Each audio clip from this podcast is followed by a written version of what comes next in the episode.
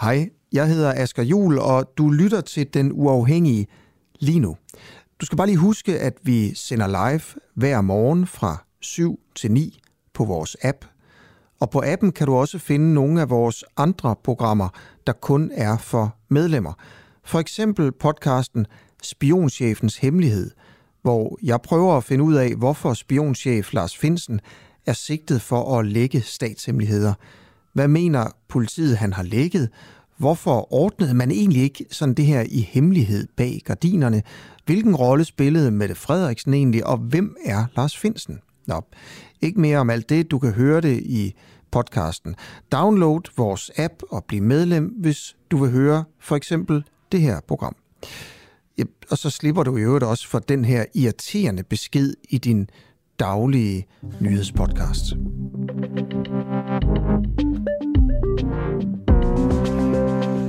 Velkommen til en uafhængig morgen med Asker Jul.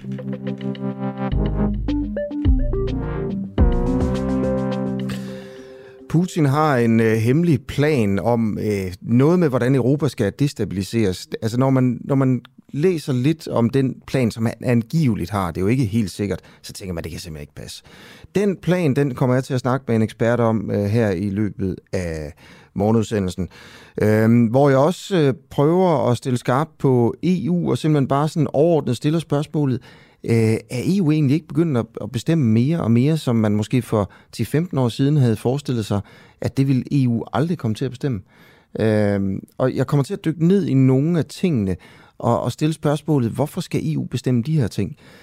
Og det kan godt være, at det er en god idé, men det kan også være, at det, der sker, det er, at EU bare lige så stille, ligesom uden der er så meget debat om det, begynder at tilrane sig mere og mere magt. Forstået på den måde, at man simpelthen tager flere og flere beslutninger, der, der griber ind i vores, øh, vores hverdag. Budgettet stiger i EU.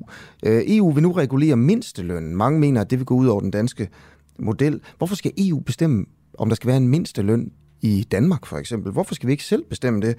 Øh, barselsreglerne øh, i Danmark vil EU også bestemme, hvordan de skal se ud. Øhm, en, en sag, vi dykker, dykker ned i lige om lidt, det er ladestikning i mobiltelefoner. Øh, EU har bestemt, at de skal harmoniseres, så det kun er det samme øh, slags ladestik i alle mulige forskellige elektriske ting, mobiltelefoner, tablets, kameraer og sådan noget. Øh, det bliver det samme ladestik i hele EU. Det kan sagtens være, at det er en rigtig, rigtig fin og en dejlig idé. Men tænk på, hvis man havde gjort det for 10 år siden, så havde man altså rendt rundt med de gamle ladestik i hele EU. Der er jo en eller anden udvikling i det her. Øh, er det en god idé, at EU bestemmer det? Øh, lastbil, trailer og sættevogne øh, skal nu også retur, selvom de er tomme, til deres hjemlande hver 8. uge, altså det er dem, der kører rundt i EU. Også en ting, der er bestemt i øh, Bruxelles. Nå, alt det her øh, kommer vi til at dykke ned i, og jeg vil bare lige spørge jer, der lytter med, har I den samme fornemmelse her? 1245 øh, er sms-nummeret, du kan skrive ind på, hvis øh, du vil blande dig. Du kan også skrive ind på øh, på Messenger, eller nej, undskyld, på Facebook nede i kommentarsporet, og vi er jo, øh, eller jeg er live på, øh, på Facebook øh, hele tiden. Og der er, og det er simpelthen så dejligt, allerede mange, der har skrevet, og så vil jeg bare sige god morgen lige til jer også. Hans og Susanne og Bregne og Jane og Frej og Jan øh, og Jakob og, og Kuber. Så godmorgen til jer dejligt, at øh, I, vil, øh, I vil være med. Hvis I lytter med i, øh, i en times tid, så vil I også kunne, øh, kunne høre mig lave et interview med Jon Steffensen. Øh, Jon Steffensen er jo en af de prominente spidskandidater i Lars Løkke Rasmussens nye parti. Man kender måske Jon Steffensen sådan fra tv og nogle debatprogrammer på, på P1, øh, hvor han som teaterdirektør har haft holdninger til alle mulige ting. Øh, men nu går han altså så ind øh, i, øh, i politik, og han er i øvrigt lige blevet fyret fra øh, sit teater på Frederiksberg i København. Ja, og jeg vil selvfølgelig også lige spørge ham, hvorfor øh, han blev fyret der. Øh, det blev antydet, at det var en politisk fyring, fordi der er kommet en socialdemokratisk borgmester på Frederiksberg. Har det noget på sig? Jo, og så lige om lidt skal jeg snakke med en, der er, der er endnu en, der er gået ud af Dansk øh, Folkeparti og spørge, hvorfor øh, det er sket. Prøv, og jeg har også en, en stak papir herover, der, hvor der står asylsagen Og det er øh, fandens med også en, øh, en vigtig sag. Og der er nyt her. Det handler om, øh, øh, om overgreb på ukrainske kvinder på, øh, på asylcentre. Men øh, nu allerførst, øh, så vil jeg da bare starte med EU-temaet øh, her til morgen. Ved nye EU-regler om et fælles ladestik til mobiltelefoner stoppe den teknologiske udvikling på det her område. Øh, de nye regler, er det en god idé, at øh, EU øh, vil bestemme øh, ting på det her område. Det er altså fra efteråret 2024, at mobiltelefoner, tablets og kameraer, som skal sælges i EU, skal have den samme oplader. Jeg tror, alle kender det der bøvl med, man har forskellige opladerstik til forskellige ting. Det gør jeg i hvert fald. Jeg synes, det er træls. Øhm, men er det en god idé at harmonisere det, og er det en god idé, at EU bestemmer det? Christel Schaldemose, medlem af Europaparlamentet for Socialdemokratiet. Godmorgen. Godmorgen. Godmorgen. Vil du starte med at, at fortælle, hvorfor øh, EU øh, skal bestemme det her? Det er der især en god grund til, og det er, at vi har konstateret, at vi har udviklet et øh, elektronikaffaldsproblem. Vi har øh, alt for meget elektronikaffald, der alt for meget, der bliver smidt ud, bliver brugt kort tid, så bliver det smidt ud, og, øh, og så ligger det ned til genbrugsstationen, og så skal der bruges energi og alt muligt på at, at få, få splittet øh, det er. Det er, og det er årsagen til, at øh, vi øh, fra øh, EU's side tillader os at gå ind og blande os i det her. Det er simpelthen fordi, vi vil have reduceret affaldsmængden. Der er mange tiltag, der skal gøres for, at vi kommer i mål med alt på det øh, elektroniske område. Men det her, det er et øh, vigtigt øh, skridt i den retning. Ja, så det er en god idé øh, at gøre det, mener du? Men der er jo så mange ting, der er gode idéer, hvor man tænker, at det er måske bedst, at lad os sige, kommunen klarer det, eller øh, Folketinget klarer det. Øh, hvorfor er det, at EU skal tage sig af det her problem, og ikke det danske folketing?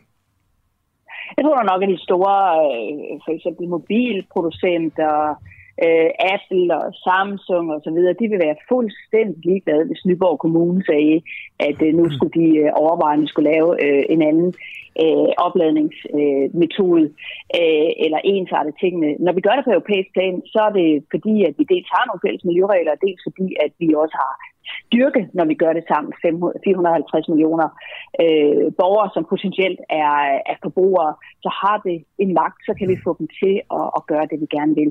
Så det, det er primært af miljøårsager, men det batter, når man gør det på europæisk plan. Ja, altså i, når EU gør det her, så kan man simpelthen få Apple eller Huawei til at, at ændre deres produkter.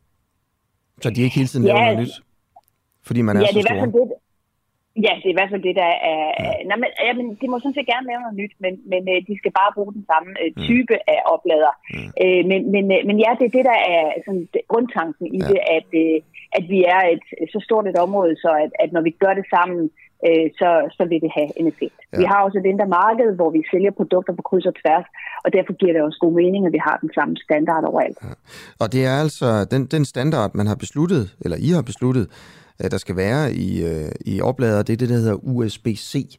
Og det er altså det her lille øh, handstik, som man siger, man stikker ind i, øh, i forskellige øh, tablets. Øh, hvad hvis man havde lavet den her regel, ikke med USB-C, men med, hvor vi ligesom siger, at vi standardiserer det for 15 år siden, for eksempel, da mobiltelefonerne var meget nyere, og det var nogle meget dårligere opladere. Havde, øh, havde, hvis, hvis man havde gjort det her for 15 år siden, og ligesom havde stoppet udviklingen af nye former for, for stik, øh, hvad tænker du om, om, hvad der var sket så?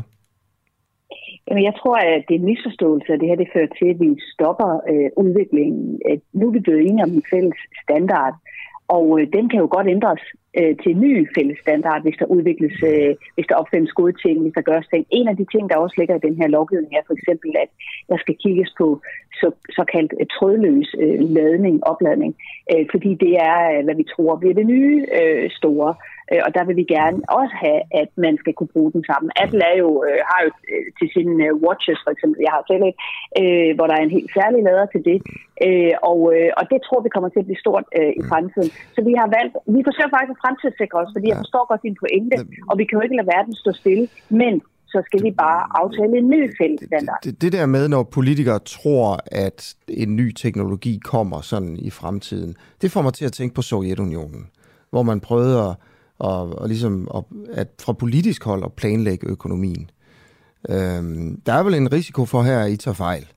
At den nye øh, ladermetode, det ikke er trådløs, men det er et, et helt nyt smart stik, øh, som måske begynder at blive brugt i Japan eller i Taiwan om et år. Det kan jo godt være. Men det, og så har vi lige pludselig altså, ja. standardiseret hele EU-systemet til USB-C, mm-hmm.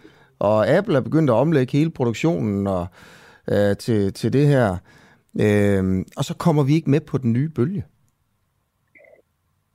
Men altså, først vil jeg sige, at jeg er meget ked af, at du sammenligner øh, det, der sker i Europa med det, der skete i Sovjet. Øh, det var et undertrykkende regime, hvor der ikke var demokrati. Vi kan jo blive afsat, vi politikere. Der kan blive lavet nye love, hvis der er enighed om det.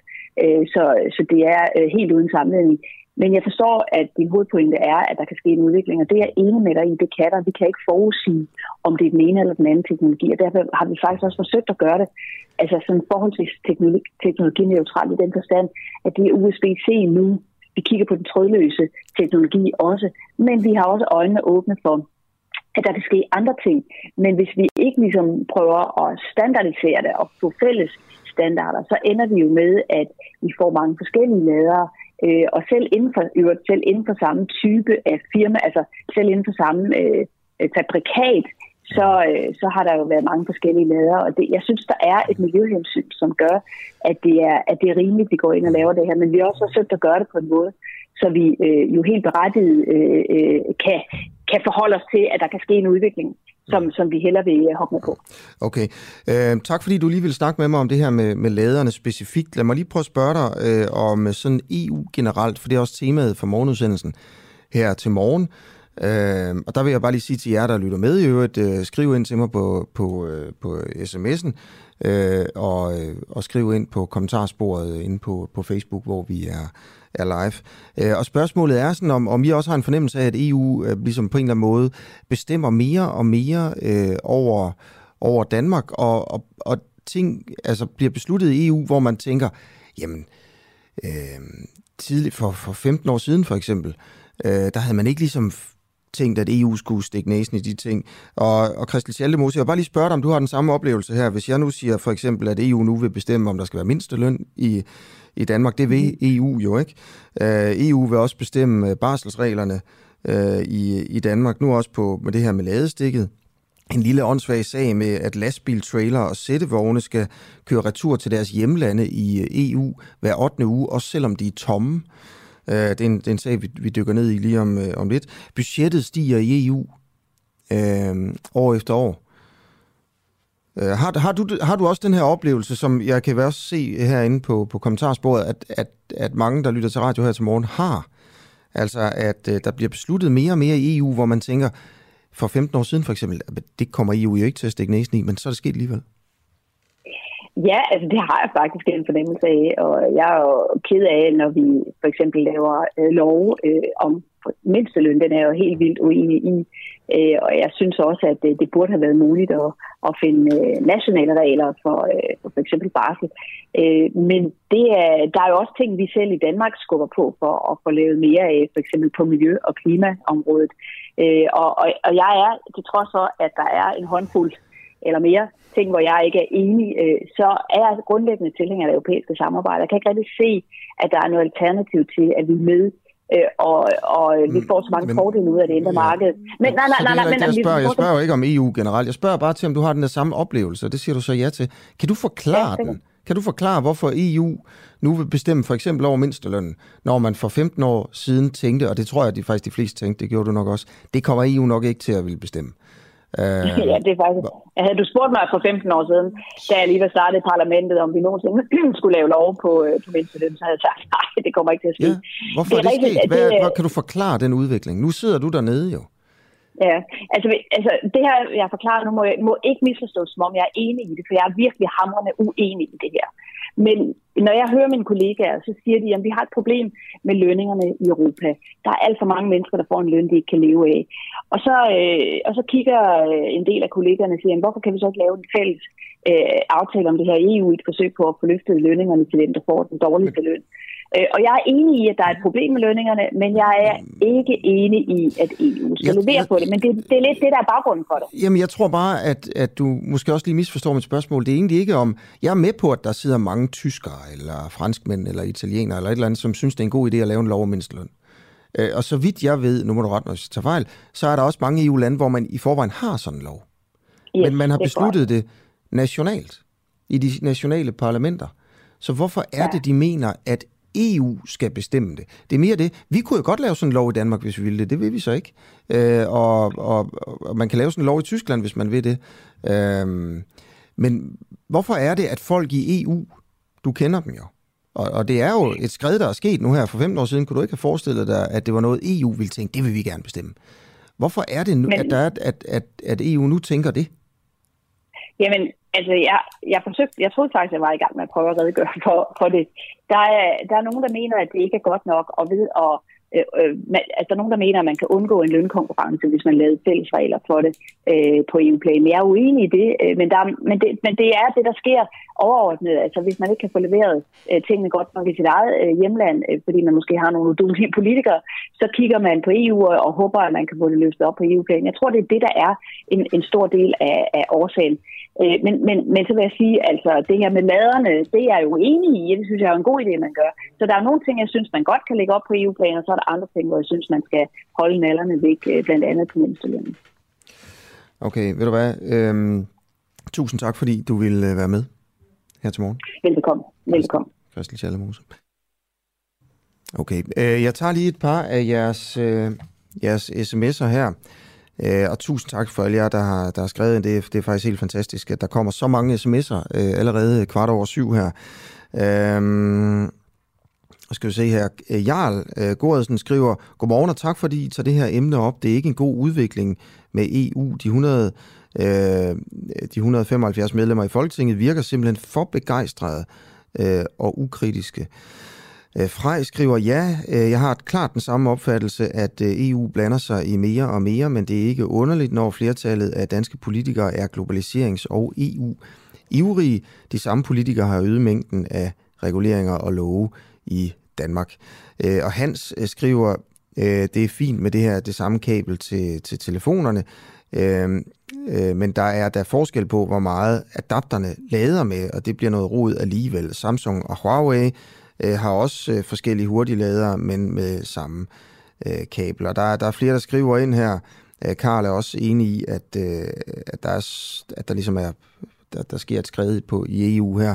Prøv hvis du synes, det er fantastisk, øh, det her med EU, så skriv det også ind. Det skal da ikke blive sådan en, øh, en, øh, en boble-udsendelse, øh, det her. Men altså, du har altså lige hørt en socialdemokrat, der egentlig også mente, øh, at EU ligesom tilrendede sig mere og mere magt, og hun var faktisk også forundret over, øh, at at det skete, og hun havde for 15 år siden ikke kunne forestille sig, at EU ville bestemme de ting, som EU ville bestemme i dag. Det er altså Christel Schallemose, hun sidder i Europaparlamentet for Socialdemokratiet, som i øvrigt har stemt ja til hver eneste, øh, har anbefalet ja hver eneste gang, vi skulle stemme om øh, EU øh, her i de seneste øh, ja, 40 år i hvert fald. Okay, 17 minutter over øh, syv. Lad mig lige prøve at tage et par, et par nyheder, og så lad mig også bare lige for at sige, vi dækker selvfølgelig alt, hvad der sker. Vi tager vores egne sager op og vores egne historier og har vores egne fokusområder her på den uafhængige, men vi skal nok være øh, på nyhedssite sådan morgen her for at opdatere dig, der lytter med om, hvad der foregår. Øh, og et, et par nyheder her. Øh, en rapport om en syg og sexistisk kultur i Nyborg Kommune, som mange har ventet på at se, den er nu blevet udskudt. Øh, det bliver altså ikke før sommerferien, at en undersøgelse om kulturen i Nyborg Kommune er klar. Det var i foråret, der øh, det blev sat i gang, det her arbejde. Et enigt byråd øh, vil have en ekstern undersøgelse af det, som en anonym medarbejder har betegnet som en syg og sexistisk kultur i kommunen. Så øh, det er øh, altså noget, som man stadigvæk, øh, også folk i pressen selvfølgelig, øh, venter en lille smule på. I Rusland kan man se, at øh, stenrige russere forlader landet i hobetal. Ikke færre end 15.000 dollar millionærer forventes at have forladt Rusland inden året er omme, det skriver øh, avisen The Guardian på baggrund af migrationsdata fra et øh, konsulentfirma. Det svarer til at 15 procent af landets dollarmillionærer vil have forladt Rusland inden udgangen af 2022.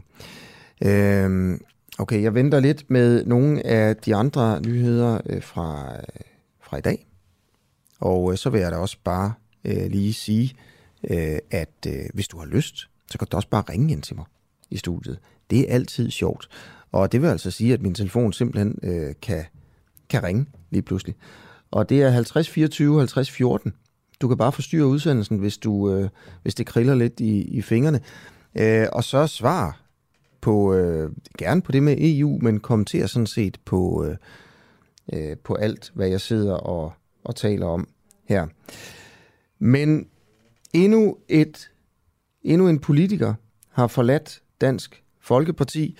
Uh, ham taler jeg med lige om to sekunder. Inden da vil jeg bare lige fortælle dig om asylsagen, som vi kalder den. Det handler om altså det, det handler om seksuelle overgreb på ukrainske kvinder på asylcentre i Danmark, og så handler det om en chef, som var for dårlig til at være leder af et asylcenter, øh, dengang der var syre, men nu på grund af mistillid, der var en sag, jeg skal nok komme ind på det, øh, nu er han blevet genansat som leder af et øh, asylcenter på Langeland. Det hele starter med, at vi laver et interview med Jesper Christensen, som er stifter af organisationen Giv Husly til ukrainske flygtninge i Danmark og Færøerne. Han fortæller en masse ting i det her interview. Han fortæller blandt andet om en centerchef på et asylcenter, som måtte ophøre sin ansættelse på grund af tilbageholdelse af vigtige oplysninger om personale, som havde forgrebet sig på seksuelt på syriske flygtninge. Den person skulle nu igen være ansat som leder på et asylcenter med ukrainske flygtninge. Det fortalte han altså. Og vi har prøvet at undersøge den her sag. Og jeg kan lige så godt sige, at ingen vil udtale sig om det. Ingen vil stille op til interview. Det er derfor, jeg fortæller det nu her. Radio 24 kunne i 2016, det er altså seks år siden, afsløre, at drifts- og logistikchef ved Asylcenter Holmegård, Ulrik Pil, og den daværende centerleder på børnecenter Tullebølle, Hanne Sommer, ikke havde fortalt om seksuelt misbrug af asyldrenge, da Udlændingsstyrelsen var på tilsynsbesøg den 27. juli det år.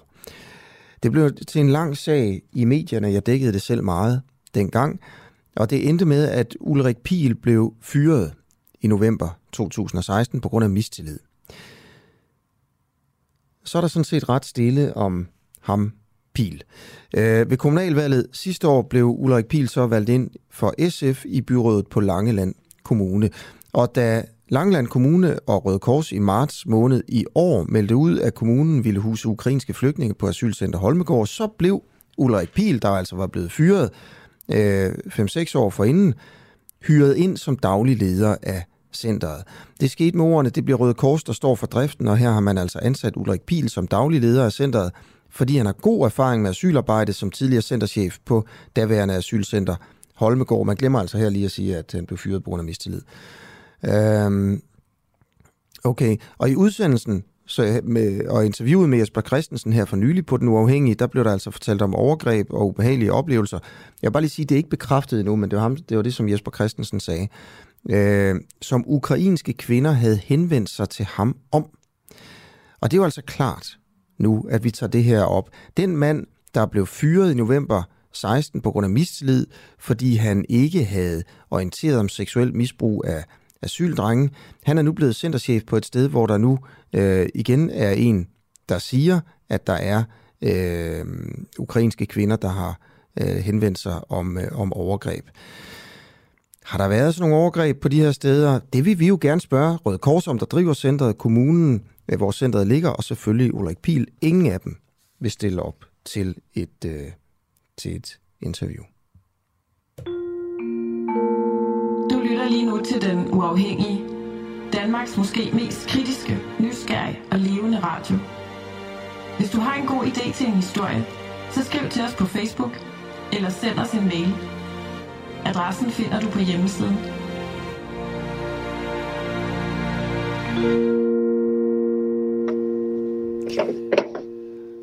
Carsten Svensson, øh, lokalformand for Dansk Folkeparti i Furesø Kommune, eller tidligere lokalformand, kunne man sige.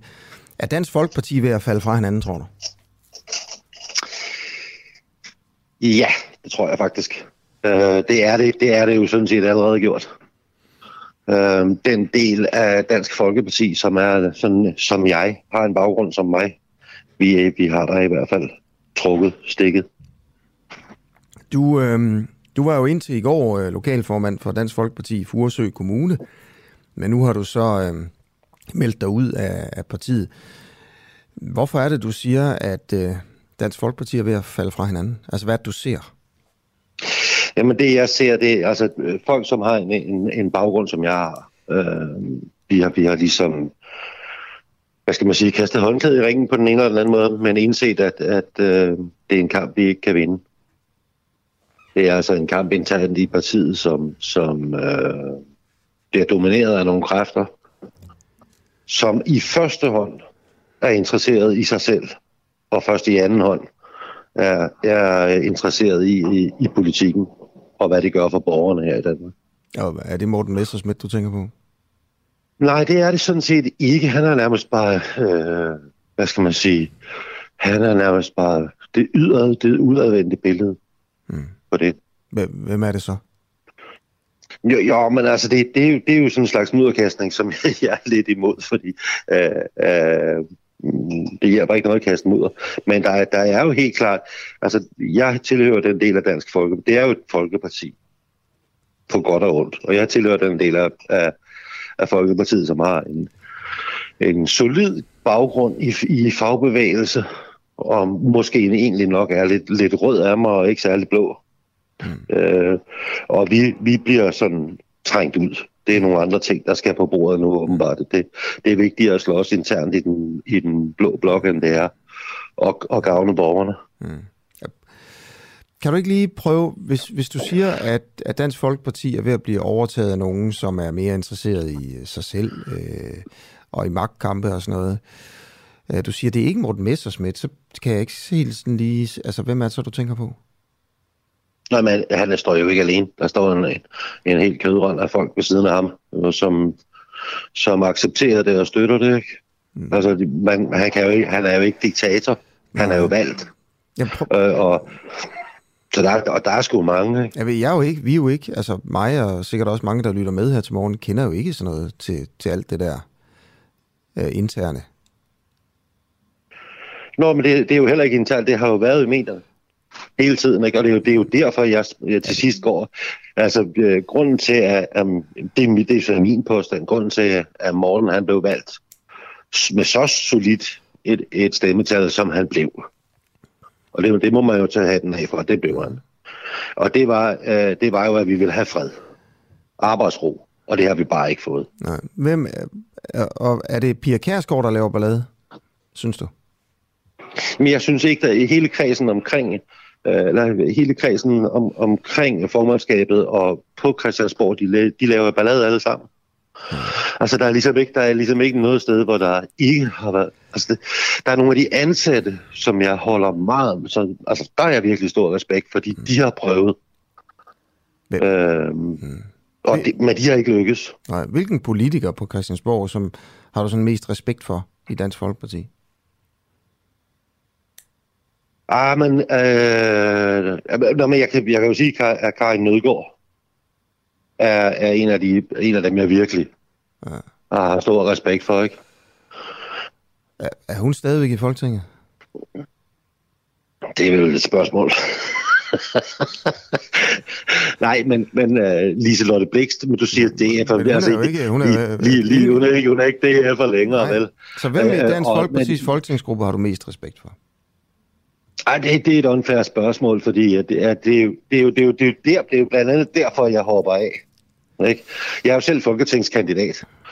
Og hvis jeg skulle være så heldig at blive valgt, men det er jo ikke jeg var folketingskandidat. Jeg, jeg, jeg, jeg, jeg prøvede jo at svare Nej, to det... gange, men så kom du til at svare på altså nævne nogen, der slet ja. var i Dansk Folkeparti's folketingsgruppe. Men, og det er, jo det, det er jo det, jeg har sagt tidligere også, dem jeg har haft den tætteste kontakt med. Ja. Men kan du ikke nævne ikke, en eneste? Ikke, i Dansk Jamen, jeg gider ikke hænge, jeg har ikke, jeg har ikke rigtig lyst til at hænge folk ud, fordi hvis jeg, hvis jeg, hvis jeg, altså, det er der ikke rigtig nogen grund til. Hmm. Er der flere i øh, din kreds, nu er du øh, lokalformand i Furesø Kommune, som også melder sig ud sammen med dig? Øh, desværre så ved jeg jo, at der er nogen, der har gjort det. Øh, altså, jeg ønskede i hvert fald ikke at fungere som en katalysator for det. Men, jeg, men, men det ved jeg, at, at det, det, er, det er sket både menige medlemmer og, og folk, der sidder i bestyrelsen. Øh, og øh, hvor går I hen? Altså, hvad gør I? Jeg, gør ingen, jeg går ingen sted. Altså, jeg, altså, jeg har ingen sted at, at gå hen. Hmm. Hvem stemmer du på næste ja, gang, tror Og, øh, altså, det, det kommer an på til hvad? Folketinget?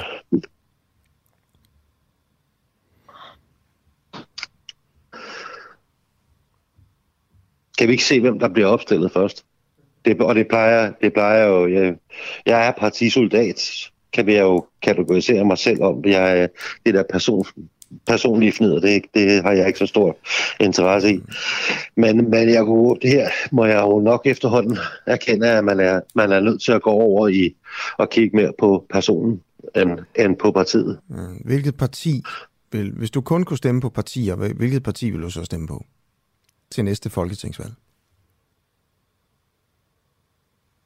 Ah, men altså i øjeblikket havde det været DF. Det havde det. Øh, og, det, og det har noget at gøre med, at der er, der er for meget, jeg ikke kan stemme på. Jeg kan absolut ikke stemme socialdemokratisk, fordi de holder ikke, hvad de, hvad de lover. Ja. Jeg kan absolut ikke stemme konservativt, fordi de er simpelthen fulde af, af vælgere og borgerbedrager. Det er der noget, jeg hader, og så er det sådan noget. Jeg var inde, jeg er ikke sådan politisk øh, med inde i sladeren og sådan noget, men, men vi dækkede øh, her på den uafhængige øh, EU-afstemningen inden fra Christiansborg. Og, og så kommer Inger Støjberg ind, og, og der er alt muligt fnider fornader med, at nede hos Dansk Folkeparti, så er Christian Thulesen Dahl, han er ikke mødt op til festen. Og, og det bliver blæst helt op af, af, af journalister, og vi får at vide, det, det er super afgørende og sådan noget. Og Morten Messersmith begynder også at problematisere det.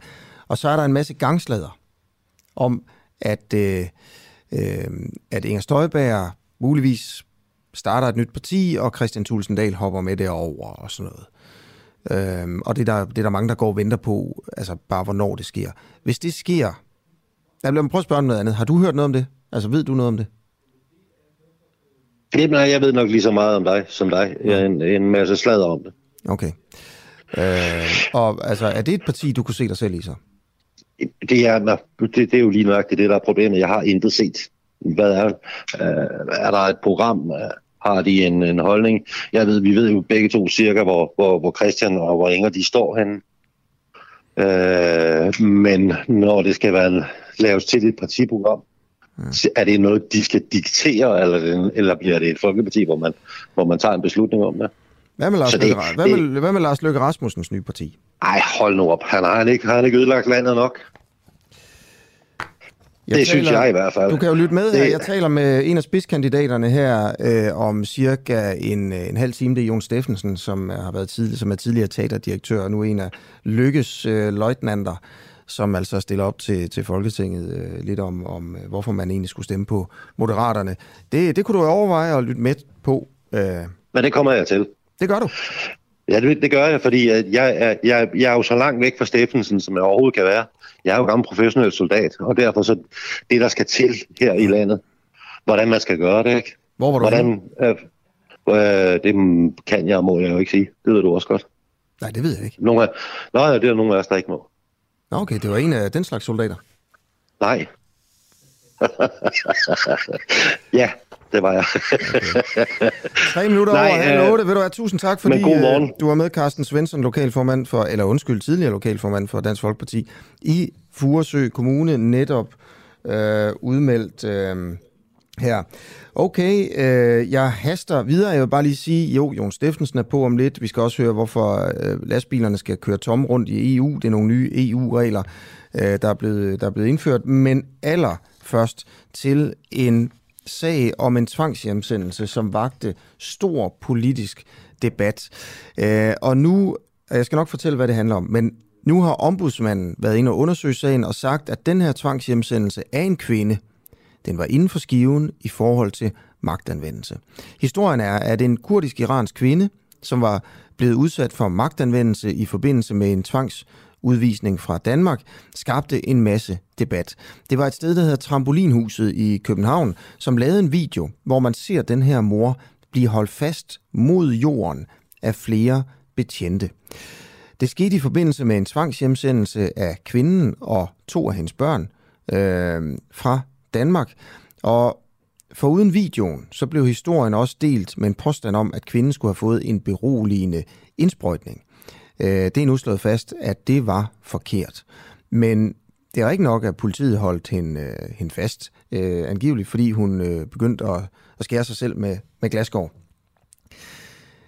Det var især venstrefløjen, der øh, blev rigtig fortørnet over den måde, som den her kvinde blev udvist på, og det blev også til en mere principiel sag om, at øh, at, at, at vi i Danmark er for hårdhændede, når det kommer til, til sådan noget her. Kvinden skulle altså udvises med sine to store børn, mens hendes mand og deres 15 måneder gamle barn skulle blive i Danmark. Og ifølge Alternativet, øh, så skal loven om tvangshjemsendelser laves om. Øh, og det er altså noget, man melder ud, blandt andet fordi man ser den her video af kvinden. Helene Brydensholt, Alternativets flygtninge- og integrationsordfører. Godmorgen. Godmorgen. Godmorgen. Uh, nu har jeg lige opridset sagen her, og bare lige for at sige, at ombudsmanden har jo nu sagt, at den her tvangshjemsendelse, den var inden for skiven i forhold til magtanvendelse uh, fra politiets side, i forhold til de gældende regler. Ja, og der er det jo så, at vi siger, at hvis det her det er inden for skiven, så skal vi lave lovgivning om. Mm. Og hvad Fordi... er det, hvad er det, du vil lave om? Jamen altså, der, der er rigtig mange steder, at, øh, at der skal sættes ind her lovgivningsmæssigt. For det første med den kon- konkrete situation, så mener jeg og Alternativet ikke, at det, at det kan være rigtigt, at de danske myndigheder kan tage en beslutning, hvor man adskiller en mor fra sit 15 måneder gamle barn. Mm.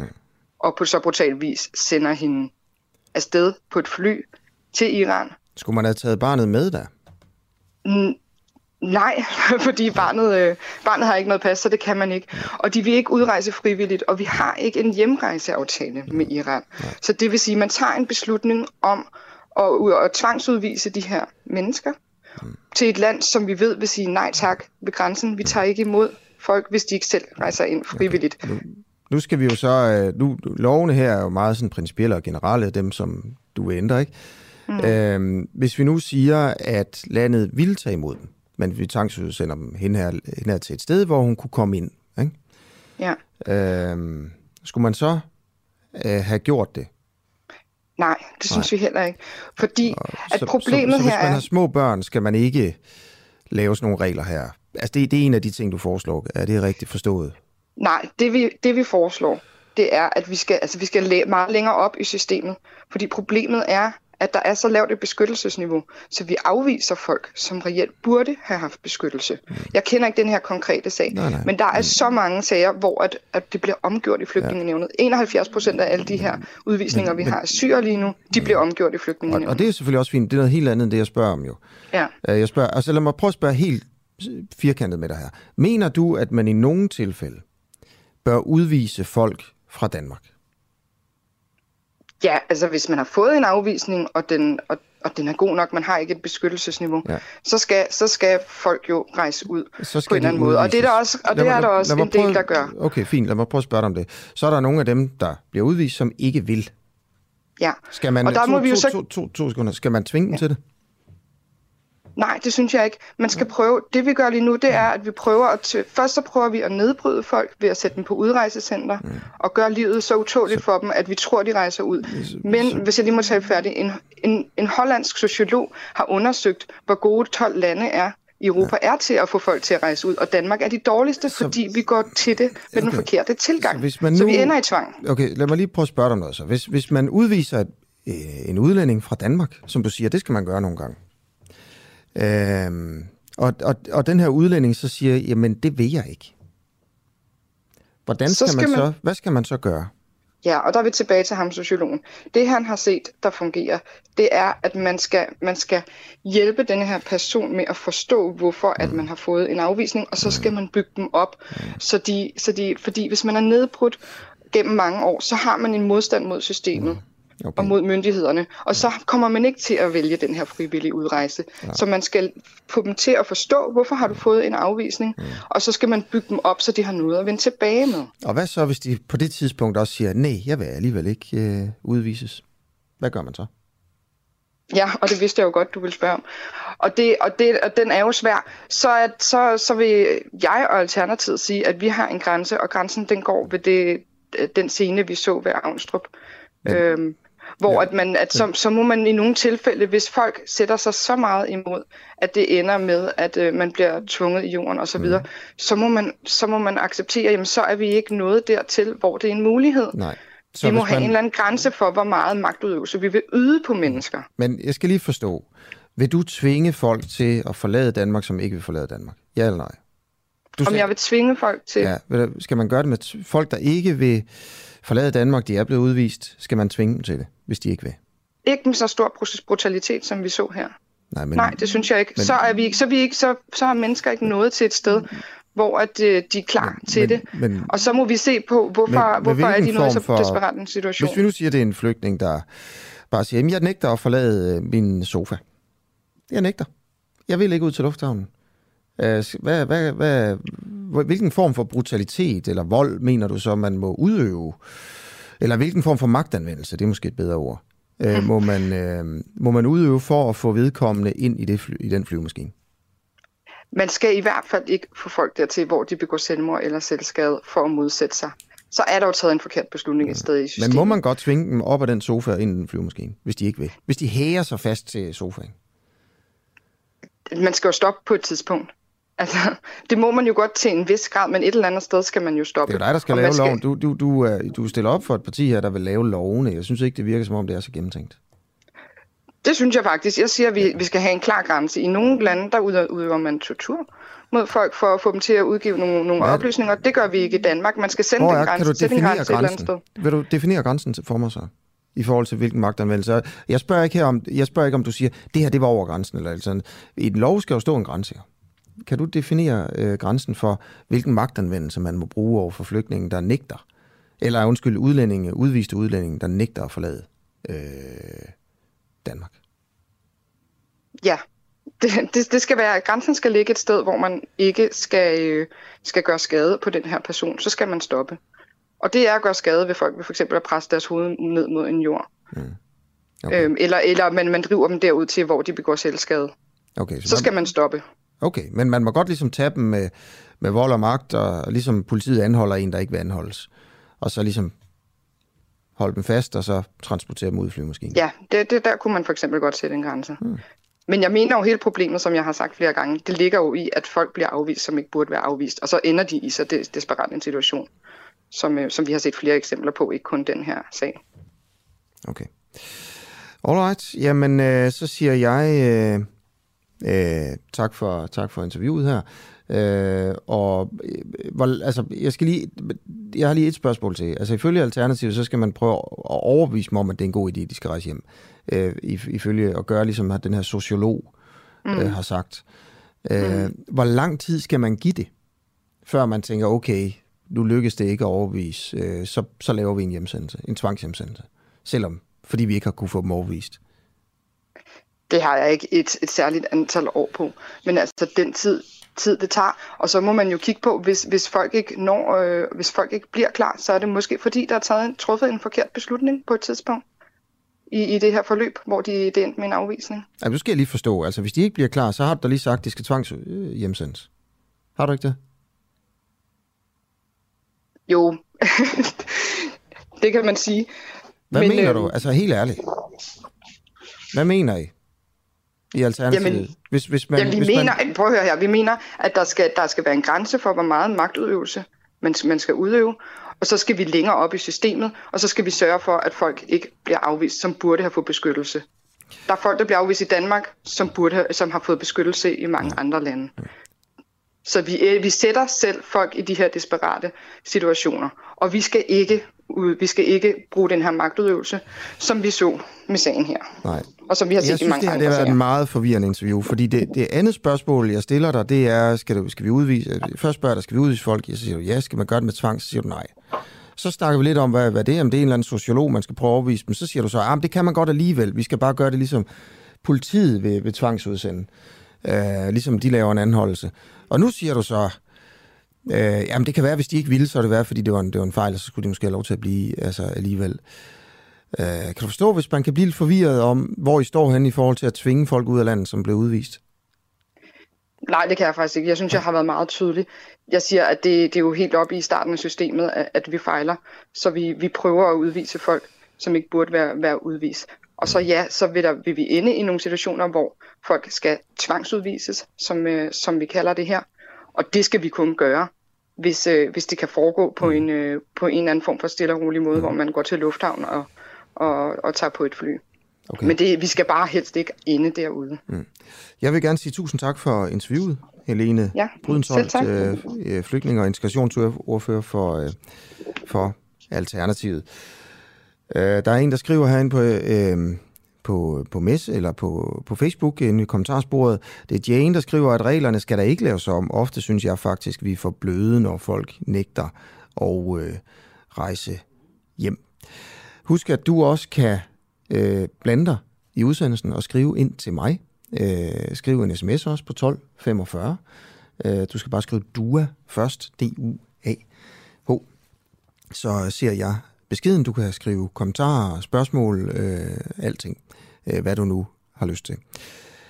Det her, det er i øvrigt også øh, et sted, hvor du kan vælge at støtte vores øh, journalistik øh, og få et øh, sådan sammenkog af vores journalistik hver eneste dag på en e-mail. Øh, vi laver et, øh, et rigtig, rigtig godt nyhedsbrev, øh, hvor vi komprimerer vores historier og afsløringer og kritiske interviews og sender det ud på mail, øh, sådan at selvom man ikke får lyttet til hele den her udsendelse hver dag, så er man stadigvæk med. Øh, journalistik koster, øh, det er klart, og derfor øh, så er det her altså bag betalingsmur. Du kan kun få adgang til øh, den her, det her nyhedsbrev, den her mail, hvis du altså øh, betaler øh, 59 kroner om måneden, og det kan du gøre inde på vores øh, hjemmeside, og lige så snart du har meldt dig til, så vil du altså modtage vores øh, journalistik hver dag. Øh, du får også adgang øh, til vores øh, eksklusive programmer hver dag, øh, og hvis du melder dig ind nu, så vil du hen over sommeren kunne lytte til mange af de nye programmer, som vi lancerer her i øh, slutningen af juni måned. Øhm, godt. Klokken er 14 minutter i 8. Øh, jeg hedder Asger Jul. Det ved jeg slet ikke, om jeg lige har fået sagt egentlig. Øh, og jeg sidder her, her ind til klokken, øh, klokken 9. Og her til morgen stiller jeg spørgsmålet om øh, EU lige så stille begynder at, at bestemme mere og mere. Jeg har selv sådan en fornemmelse af, at jeg synes, at det er som om, at der bliver sådan taget beslutninger om, at, at flere og flere ting skal bestemmes i EU. Ting, som man tænkte for 10-15 år siden, det kommer EU nok ikke til at ville bestemme. Det er så sket barselsregler, for eksempel. Øh, EU vil også bestemme, om der skal være en lov om mindsteløn i Danmark. Øh, mange mener, at det vil gå ud over den danske model. Socialdemokratiet er imod, men der er ikke noget at gøre. Øh, det her det kommer til at blive indført og, og trummel hen over, over Danmark. Budgetterne vokser i EU. Øh, jeg havde Christel Schaldemose, hun sidder i, i parlamentet for Socialdemokratiet faktisk, og hun havde den samme oplevelse. At EU begynder at bestemme mere og mere, øh, ting, som hun ikke havde kunne forestille sig, at EU ville bestemme øh, for 15 år siden. Det, det sidder EU og, og, og vil bestemme øh, nu her i dag. Jeg vil meget gerne høre dig, øh, som, øh, som lytter med her til morgen, om du har den samme oplevelse. 1245 sms'en, bare skriv du er først, det er UAH, eller skriv ind på Facebook. Øh, en sag her. Øh, Ove Holm, du er underdirektør og leder af DTL, Danske Vognmænds Erhvervspolitiske Afdeling. Godmorgen. Godmorgen. Godmorgen. Øh, det her det er en, øh, en mindre sag, øh, som, som EU også har, har vil lave nogle bestemmelser Øh, på det her område, og øh, jeg vil bare lige have dig til lige at, at fortælle lidt om det. Som jeg forstår det, hvis et nyt forslag fra EU-kommissionen bliver vedtaget, så skal trailere og sættevogne køre retur til hjemlandet hver 8. uge, også selvom de er tomme og ingen ærner har. Øh, vil du prøve at beskrive det her forslag, hvad det går ud på? Ja, men det er jo en del af en, en stor pakke, som kaldes Vejpakken, som er lavet for at skabe fælles spilleregler på transportmarkedet i EU, og det er så jo noget, vi støtter øh, varmt. Øh, Herunder den del, der siger, at lastbilen skal hjem hver 8. uge. Men når det kommer til det her med, øh, med sættevognen og trailerne, så, så, er vi, så synes vi, at kommissionen har, har kan man sige, overgjort tingene helt klart. Det er det giver faktisk ikke nogen mening øh, på nogen som helst måde. Det, det er ikke med til at forhindre social dumping eller, eller give mere lige konkurrence. Det er, det er en, en overfortolkning af deres rolle om at skabe øh, fælles spilleregler i Europa. Så, så det, det tænker vi, det må trække igen. Mm. Hvorfor er det, de gør det? Altså det her med sailor, uh, trailer og sættevogne, hvorfor er det, de vil have, at det er jo de ting, der hænger bag efter en lastbil, altså Ja, øhm, ja. At, at de, hvis de er tomme, og hvis det er en tom en, der kommer fra Rumænien for eksempel, eller Litauen, så skal de hver 8. uge køre tilbage til Rumænien eller Litauen og vende ved grænsen, og så må de køre tilbage igen. Hvad, hvad, hvad, er, hvad er meningen? Ja. Altså det grundlæggende med den her regel om at vende hjem hver 8. uge, som jo har tænkt på lastbilen, Lastbilen er jo vognmandens produktionsapparat, og det er den øh, arbejdskraften sidder i, chaufføren. Og tanken har simpelthen været, at, at hvis, du, øh, hvis du aldrig kommer til hjemlandet, eller sjældent kommer til hjemlandet med din lastbil og din chauffør, så bør du sådan set etablere dig i, i der, hvor du rent faktisk arbejder. Altså en, en købmandsbutik lægger man jo også i det land, hvor kunderne er, og ikke i hjemlandet. Uh, så, så det har været lidt samme tankegang, og problemet er jo, at, at hvis man lægger sin lastbil i et, et, et billigt hjemland langt væk, så kan man konkurrere på ulige vilkår i, i et andet land, fordi man kan betale nogle andre lønninger og, og måske slippe med nogle lavere afgifter osv. Mm. Så det har givet ulige konkurrence. Det har været det grundsynspunktet. Mm. Og det synes vi er fuldstændig korrekt, når vi taler lastbiler, men ikke når vi taler trailer. Det giver en hel masse problemer. Det kan jeg godt forklare lidt mere om. Ja tak, det må du gerne. ja, altså det ligger nemlig sådan, at øh, hvis vi tager lige netop de her såkaldte sættevogne, som man kører efter en sættevognstrækker, ja, så er der faktisk tre gange flere sættevogne i omløb, end der er trækkere. Og det er jo fordi, at de her sættevogne, de, øh, de bliver også brugt som lager. Altså de, de holder nogle gange en time eller en dag øh, hos kunden, øh, også imens de bliver fyldt op eller tømt, og imens kører lastbilen videre med en anden trailer. Nogle gange står traileren på en færge måske, eller et skib, eller et tog, og slet ikke noget med lastbilen at gøre. Og de her trailer, de, de farer sådan set rundt i Danmark og EU, øh, helt uafhængig af den enkelte lastbil. Altså en, en, en, øh, en trækker kan jo nå at trække flere hundrede forskellige sættevogne i løbet af et år, og en sættevogn kan blive trukket af mange, mange, mange, ja, 100 forskellige trækker i løbet af et år. Så der er ikke rigtig nogen forbindelse imellem de her mm. lastbiler, chauffører og så den enkelte trailer, og så er de jo utrolig svære at spore os, så man kan heller ikke håndhæve, okay. hvis man vil det her. Okay, fint nok. Så har du sådan ligesom forklaret, hvad, hvad pointen er, og øh, hvorfor du mener, det skal, øh, at, at de her lastbiler, EU skal bestemme, at lastbilerne skal vende hjem til hjemlandet hver, hver 8. uge, hvorfor det giver mening. Øh, Brejne mm, mm. skriver ind på Facebook øh, her og siger, at det ikke spilder benzin. Jamen, der har vi også regnet på, at øh, der er simpelthen så meget gods rundt i, i Europa mellem landene, også mellem Østeuropa og Vesteuropa, at, at der er sådan set rigeligt gods til, at de her lastbiler kan vende hjem øh, hver, hver 8. uge. Vi har ikke regnet på det her med trailerne og sættevogne. Det har vi simpelthen ikke set komme. Det synes vi er en overfortolkning. Øh, jeg skal også sige, det er jo ikke, en, det, det er ikke sådan, vi læser simpelthen ikke reglerne. Så mm. vi mener også, vi mener ikke bare, at det er dumt, men det er sådan set også er fejllæst kommissionen, ja. det her. Okay. Så vi mener, at de har fejllæst. Men, men det med lastbilerne, det med lastbilerne, lad os sige en ja. rumæn. Du ved ikke, hvor lastbilerne, dem der kører rundt i Danmark, hvor de kommer fra, det, der er et eller andet, der siger mig, det er Litauen meget. Jeg synes tit, der står LT på de her vogne, men ja. hvor, hvor ja. kommer de meget fra? Ja, vi har regnet på netop uh, Rumænien og Litauen Nå, øh, og fundet okay. ud af at regne på, uh, hvor meget gods, netop fordi det er to centrale lande. Så jeg skal bare lige forstå, altså det her forslag, du går ind for med, at lastbilerne ja. skal vende tilbage hver 8. Ja. uge uh, til, lad os sige, Rumænien. Uh, du siger, det kommer ikke til at betyde, at der, kører last, der kommer til at køre lastbiler fra Danmark uh, til Rumænien og tilbage igen, uh, uden Sådan. gods på. Nej, nej det, uh, det, det, det burde ikke ske, fordi vi, der er cirka tre gange mere gods, end, end, end der er øh, til, til, øh, til de her lastbiler, så, så de bør kunne finde det her gods. Der kan godt komme en overgangsperiode, hvor, hvor, de, øh, hvor de skal lige, og det er jo speditørernes rolle, Ja. det er jo at få fundet, få, få, få matchet godset med de her lastbiler. Så der er sådan set gods nok i begge retninger i øvrigt. Selvfølgelig vil der altid være noget tomkørsel. Det gælder sådan nogle, nogle særlige typer øh, gods, øh, farlige gods, mere tomkørsel? tankbiler. Ja. Vil der Nej, komme mere? det, det, Nej, tror vil jeg der ikke. faktisk. Nej, nej, det tror, og, og, og, du kan jo altid, du kan jo altid uh, omregistrere lastbilen, uh, hvis, Mm. hvis den ligesom uh, siger, at det, du, den skal jo aldrig til Rumænien, den skal jo aldrig til Litauen, hvorfor har man så registreret den i det land? Ja. Så må man jo registrere den i det land, hvor den rent faktisk laver Findes noget. der lastbiler, der kører rundt i Danmark, øh, som er registreret i Litauen eller Rumænien, som aldrig, altså som nær- nærmest kun kører rundt i Danmark? Ikke kun i Danmark, men, men de kører så for sådan noget trekantskørsel, kalder vi det, mellem for eksempel Sverige, Danmark, Tyskland og måske også Holland. Okay. Så kører imellem landene, og så også laver noget intern kørsel i Danmark. Så det er sådan noget, Okay. øh, ja, international okay. kørsel i Vesteuropa. Okay. Det, det, det er det, de i stort tal laver. Ja. Og, og, og hvis man køber en lastbil i de her lande, og registrerer dem i, lad os sige, Litauen, øh, øh, ja. så kan man købe meget billigere, end hvis man købte dem i Danmark øh, og, og satte danske Ah. nummerplader på. Nej, nej, lastbilen er faktisk ikke billigere. Det er, det, der, er- det, det, er, det er lønningerne, der er billigere. Det er det, der er det centrale. Men ja, så gør, hvad, hvad, hvad er problemet så? Med at lastbilen, øh, det er en litauisk lastbil? Er det fordi, vi går glip af den skat øh, ved indregistreringen og registreringsafgifter i, af den danske Nej, stat? nej, nej, det, nej, nej, det er ikke Nej. så meget på lastbilen. Det er faktisk mere, men, men, men vi har...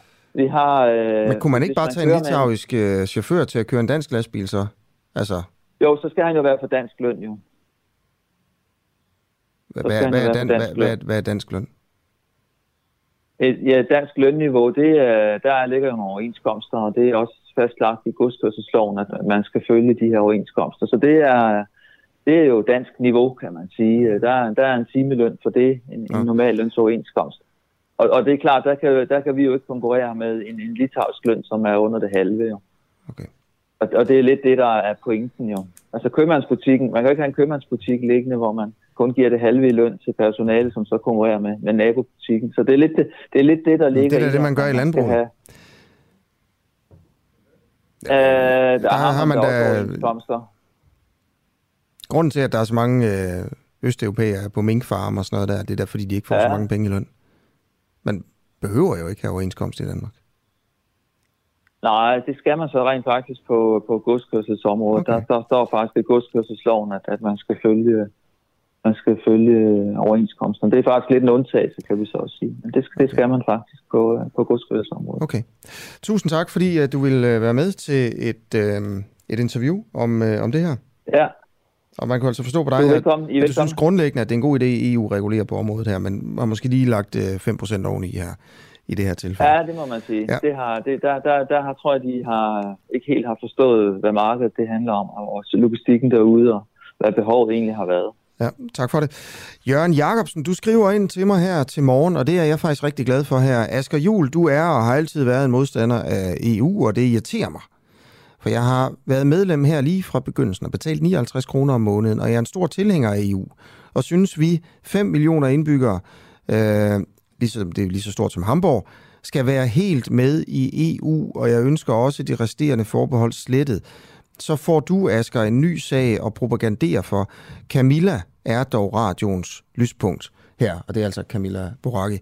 Jørgen, sådan, tusind tak for det. Kan vi ikke lige øh, se, Jørgen, om du kunne skrive dit telefonnummer øh, ind på, på Facebook, så kan vi jo lige se, om, øh, om du kan komme igennem her. Jeg vil meget gerne øh, Øh, bare lige høre, hvad du, hvad du mener om, øh, om det her. Øh, og, og der vil jeg også bare sige, vi er jo her, altså den vært, der sidder bag mikrofonen, får også lov til sådan ligesom på en eller anden måde at sætte tonen her i, øh, i, øh, i radioen en gang imellem. Og jeg, jeg, jeg, jeg mener, der, der er helt klart, altså mangler en eller anden form for offentlig, og det står jeg ved, Jørgen, og jeg er glad for, at du ligesom også skriver det, men der mangler en offentlig debat om, øh, om, om, om EU's sådan mere sådan overordnede udvikling. Øh, jeg synes også, det, det, det kunne være, der burde blive snakket meget mere om for eksempel sådan budgetterne i EU, øh, som vokser og vokser, og EU's indtægtskilder øh, vokser. Øh, EU begynder at kautionere for lån. Øh, der, der er en masse, masse ting, som, som sker lige så stille og roligt og kværner derud af, øh, som jeg synes, der er vigtigt at, at, at sætte lidt mere sådan overordnet fokus på. Og det kan godt være, Jørgen, at øh, det er træls at høre på, når man er ligesom dig, og det anerkender jeg 100%. Øh, så er det godt, du har Camilla, kan man sige. Øh, Katrine Visby øh, skriver, øh, at hun mener, at det virker som om EU kommer snigende. Jeg har indtryk af, at EU vil lave noget lidt hen mod de forenede øh, stater. Øh, og Liva øh, skriver god dag, og det virker i hvert fald en lille smule modstridende, skriver Liva, med de miljømæssige aspekter i en øh, strømledning, strømlejning af opladere, at de så skal køre så meget frem til. Prøv lige, jeg forstod ikke helt den der øh, den besked, men, øh, øh, men tak for den øh, alligevel selvfølgelig. Lad mig lige prøve at komme med et par af dagens øh, nyheder her, øh, inden jeg vender mig mod øh, en ny kandidat fra Lars Lykkes nye parti. Hej, du lytter til Den Uafhængige på podcast. Husk, at du også kan lytte med, når vi sender live hver morgen kl. 7. Download vores app, Den Uafhængige, og tryk på play-knappen. Det er helt gratis. Kanada og Danmark indgår en grænseaftale om det, der hedder Hans Ø, øh, eller det hedder også Tartupaluk øh, på grønlandsk. Øh, den har altså øh, viser den her ø at rumme meget mere drama end det lille areal på 1,3 kvadratkilometer ellers ligger op til. Den her ø ligger midt mellem Grønland og Kanada, og øh, vi har sådan skændes lidt med Kanada om, på en sød måde, om at, altså hvem der skulle have øen. Og vi har på skift opstillet flag på den her forrevne øh, klippeø for at gøre krav på den. Nu er kampen altså slut. Kanada, Danmark og Grønland har indgået en grænseaftale om øen, øh, men også en maritim grænselinje øh, på 3.882 øh, km. Stille og roligt, øh, men øh, det er jo nogle store afstande deroppe. Ja, dermed er der tale om verdens største maritime grænse, det fortæller udenrigsminister Jeppe Kofod til øh, DR. Øh, for Grønland og Danmark er det en rigtig fin aftale, der er gået 50 år, hvor man har bokset med det her på skift i de danske regeringer og øh, i Grønland for at finde en løsning. Og nu er aftalen så på plads. Det var jo sådan, at når de danske soldater kom op øh, på øen lige for at plante det danske flag, så satte man altid lige en flaske snaps. Øh, og mit gæt er, at, at øh, man kan, det ved jeg jo, man kan sætte snaps i frostvær, uden at øh, flasken springer. Øh, og så, når man kom tilbage, ja, så kraftigt, så stod der et kanadisk flag og en flaske whisky. Så tog man det, tog flaget, tog whiskyen, og så satte man den danske op. Og sådan kørte det altså bare øh, frem og tilbage. Men øh, det er øh, angiveligt øh, slut nu her. Det er der sikkert også nogen, der er lidt, øh, lidt træt af. Godt. Om lidt taler jeg med øh, øh, Jakob Korsbo, øh, der er ekspert i krigen i Ukraine, for lige at høre om en ny plan, som Putin angiveligt har. Og det er noget, der kommer fra en amerikansk analytiker, og når man hører om den, så tænker man, at det kan simpelthen ikke passe, at Putin er så kynisk. Og det er noget, der handler om, om, om, om, om hele verden, altså, eller i hvert fald om flygtningestrømme og Afrika og, og Europa og sådan noget. Øh, hvad tænker øh, sådan en øh, militær analytiker om, om den analyse, der er blevet lavet om Putins hemmelige plan? Øh, det er om, øh, om fem minutter, men inden da, så sætter jeg lidt fokus på, og det gør jeg i den her time, på Moderaterne, øh, Lars Løkke Rasmussens nye parti. Og Freja Luna, godmorgen. Godmorgen. Godmorgen. Du er folketingskandidat for Moderaterne. Øh, du er ja, den, det er jeg. Ja, det er du. Du er den yngste kandidat. øh, 18 år bare fra Holstebro. Ja. Øh, gymnasieelev og altså forkvinde i Danske Gymnasieelevers sammenslutning. Hvorfor har du meldt dig ind i Lars Lykkes parti? Jamen, det var egentlig lidt en joke til at starte med. Jeg sad med en kammerat og kiggede på øh, partiet, og vi, det var jo lidt for sjovt, fordi Lars han havde gang i et eller andet. Og så opdagede jeg bare, at jeg var virkelig meget enig i mange af de ting, der stod. Og så tænkte jeg, at det her, det skal jeg ind og være en del af. Mm. Okay, hvad var du enig i? Jamen, jeg var enig i meget af det, der stod omkring ungdommen, især om borgerpligten, og så det her om at lave SU om til lån på nogle af de videregående uddannelser, fordi mm. man skulle øh, altså simpelthen skulle sikre, at folk kunne komme her stadig og tage nogle gode uddannelser, men at vi ikke var nødt til at betale for det bestemt. Mm. Okay, ja. det med øh, borgerpligten, lad os prøve at tage øh, noget med det. Øh, Moderaterne, står, det står der i, øh, i de punkter, der er blevet lagt frem. Øh, nu citerer jeg bare, Moderaterne vil styrke medborgerskab, dannelse og sammenhængskraft gennem en ny borgerpligt for alle unge. Borgerpligten bygger på principperne fra værnepligten, men kan aftjenes i hele samfundet.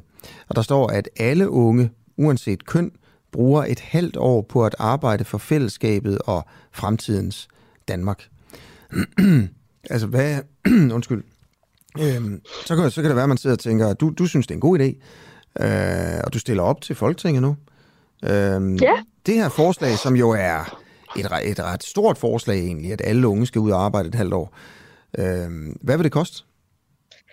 Altså, jeg kan ikke fortælle dig præcis, hvad det vil koste, men jeg kan sige, at nogle af de penge, der kommer til at skulle bruges på det, de bliver brugt fra værnepligten. Kan du, kan du sige sådan cirka, hvad det kommer til at koste? Øh, nej, det vil jeg heller ikke øh, udtale mig om. Men, men ved du det godt, du vil bare ikke sige det, eller? Jeg ved det godt, og øh, det er et større regnskab, fordi, som du nok også ved, øh, som en klog mand, så er politik en symbiose, Så, og øh, man finder nogle penge nogle steder, og så tager man, giver man dem så til nogle andre ved, steder. godt, du ved godt sådan cirka, hvad det kommer til at koste, men du vil ikke afsløre det. Jeg vil ikke øh, udtale mig om det, nej. Hvorfor? Altså, I, nu skal vi, I vil jo gerne i Folketinget og sådan noget. Hvorfor at du ikke vil... Ja, men det er jo fordi, den del den kommer også ud senere, øhm, og vi skal jo stadig have noget politik, der kommer ud lidt senere, så vi stadig kan sådan Ah, ting. Så det- okay, så ja. det er sådan noget med, du kan godt snakke om det positive ved det, men, men det negative, altså hvor pengene skal komme fra, hvad, hvad det kommer til at koste, det vil du ikke snakke om. Jeg vil godt snakke med dig om, hvor pengene skal komme fra. Som du ved, så er politik en symbiose. Og, øh, Men det er umuligt der for mig nogen- at stille opfølgende spørgsmål til det, og kritiske spørgsmål, hvis du ikke vil sige, hvad det vil koste. Fordi så kan du jo bare sige, at det vil komme der og derfra, og så kan jeg sige, at det er jo ikke det hele, eller et eller andet. Det, det aner jeg jo ikke, når du ikke vil afsløre, hvad det kommer til at koste. Så Nej, er det, det er, jo, er, er det noget, I har klappet af for ligesom at slippe for kritiske spørgsmål øh, og, og, og negative historier, altså at tale om de negative konsekvenser ved jeres forslag? nej, overhovedet ikke. Det Hvor- skal nok komme så? frem, Hvorfor ikke afsløre det nu? Fordi det kommer frem sammen med resten af vores politik, hvor du får det store regnskab. Så øh, ja, Okay, vildt nok. Altså, øhm, det er det her med, at, at alle unge skal, skal have sådan en, øh, en borgerpligt i et halvt år på arbejde for fællesskabet og for fremtidens øh, Danmark. Øh, hvad, hvad, hvad, hvad skal de unge lave? Jamen, de skal ud i civilsamfundet, de skal i skolerne, børnehaverne, øh, ældreplejen og sådan nogle ting. Vi ved jo, der mangler hænder, og de unge har hænder. Ja. Okay. Øhm, vil, vil det øh, altså, have nogle negative konsekvenser for, for de voksne, der gerne vil have de arbejde der? Øhm, pædagoger og sådan noget? Jamen, lige nu kan vi jo se, at der mangler hænder i de her sektorer. Hmm. Så er det jo nok, fordi der ikke er nok. Hvad siger Men på den- fagforeningerne til? Det ved jeg faktisk ikke. Okay. Kunne det ikke være meget sjovt lige at spørge dem, inden man ligesom går ind for sådan et forslag, lige at høre, hvad, hvad kan man sige, modargumentet er? Jo, helt sikkert. Øh, men hensigten er jo ligesom at skabe en forståelse for, at samfundsfællesskabet kræver indsats af alle borgere. Mm. Det er jo derfor, vi skal gøre det. Okay. Øhm, er der andre ting, øh, der gør, at du øh, melder dig ind i partiet her? Altså nogle andre øh, Jamen, øh, det er jo sager? også noget omkring ungdomstrivsel, som jeg jo selv faktisk har været en del af at skrive ind. Ja, hvad er det, I øh, gerne vil lave om der? Det er øh, blandt andet karaktersystemet, fordi lige nu er det, at øh, karaktererne tæller helt utrolig meget af de unges hverdag, og det giver, altså det gør faktisk unge stresset. Jamen, hvad vil du gerne lave om med det? Jamen, vi vil jo ændre karaktersystemet, så karaktererne vejer mindre på forskellige måder. Altså for eksempel, så det ikke er din tysk eksamen, der kommer til at afgøre, om du skal ind og læse statskundskab. Okay. Så sådan med, hvordan man kommer fra gymnasiet til, til universitetet, øh, hvilke krav der vil være. Ja, blandt andet. Og så at der skal være mere fokus på formativ feedback, når man går i gymnasiet, i stedet for karakter. Så skal der være færre karakterer i gymnasiet. Det må der meget gerne. Men, men hvad mener I i partiet? Jamen, at der gerne må være færre karakterer. At Okay. det simpelthen skal handle mere om den feedback, der er. Okay. Okay, jamen uh, tusind tak, fordi du vil uh, fortælle en, uh, en smule om, uh, hvorfor du har meldt dig ind i Lars, Lars Løkke Rasmussens nye parti. Hvor stiller du op hen? Jeg stiller op i Vestjyllands Storkreds. Okay. Og er du nummer et uh, på... Har I afgjort det endnu? Er du nummer Det er ikke afgjort endnu. Det er vores øh, meget, meget dygtige bestyrelse, der skal til at afgøre det. Okay. Så. Uh, det kan jo godt være, at der kommer valg her til, til efteråret. Altså, det, er jo, Ja. det er jo en mulighed. Der er, jo, der er der nogen, der ligesom mener, at der gør efter sommerferien. Uh, hvornår bliver du 19? Må jeg spørge om det? Fordi der er nok også nogen, der tænker på, okay, altså, er det en god idé at stemme på en, der kun er 18 år, ikke? Jeg bliver 19 til oktober. Nå, okay. Så det kan være, at du kommer ind som 18-årig eller 19-årig. Ja, Det kan jeg sagtens være. Mm. Hvad tænker du om, om sådan i forhold til sådan dine erfaringer, alder og sådan noget, at være i Folketinget? Jamen, der er jo rigtig mange, der siger til mig, at jeg skal have noget erhvervserfaring og noget livserfaring og sådan nogle ting. Men prøv at høre, jeg skal ind og være de unge stemme i Folketinget. Mm. Det kan, bliver altså ikke bedre til at være om 30 år, når jeg har fået de der 10 års erhvervserfaring, eller hvad det er, de gerne vil have. Det, det er nu, jeg skal ind, hvis der skal være en ung stemme i Folketinget. Mm. Jamen, øh, tusind tak øh, for interviewet. Ja, det var slet. Ha' en god dag. I lige måde. Tak. Øh, 8 minutter over... Øh, 8 er klokken den her tirsdag morgen, øh, og til jer, der lige har stået på og lytter med, godmorgen. Tak fordi I vil være med her på Den øh, Uafhængige øh, endnu en dag. Max skriver ind på Facebook, øh, jeg er meget nysgerrig på Moderaterne, da det er almindelige mennesker, der har lavet politikken, og 80% af deres medlemmer har aldrig været politisk aktive før. Det er et meget spændende projekt, projekt øh, skriver altså øh, Max. Prøv at høre, hvis du lytter med lige nu, så vil jeg da gerne lige spørge dig, kunne du finde på at stemme på Lars Løkke Rasmussens nye parti? Skriv ind på Facebook her i, i kommentarsporet, hvor øh, jeg sidder og kigger med. Eller skriv en øh, sms på 1245. Du skal bare skrive DUA først. Hver dag efter morgenudsendelsen kan du høre et særligt udvalgt interview i vores podcast Den Uundgåelige Interviewet er valgt, fordi det er det bedste, det vigtigste eller mest interessante. Altså, gælder, gælder ejendomsretten ikke for dig, Bibi, bare fordi du er kunstner? Jo, jo, selvfølgelig gør den det, og det er klart, at hvis der skulle være et, øh, et efterspil, så står, jeg, så står jeg naturligvis øh, til rådighed for domstolen, og jeg øh, forholder mig til de, til de følgere, der måtte komme. Det står jeg 100% til ansvar for. Du finder den uundgåelige i vores app, eller der, hvor du henter din podcast. Et nyt interview hver dag. For dig, som ikke fik hørt hele morgenudsendelsen, men ikke vil gå glip af dagens bedste interview.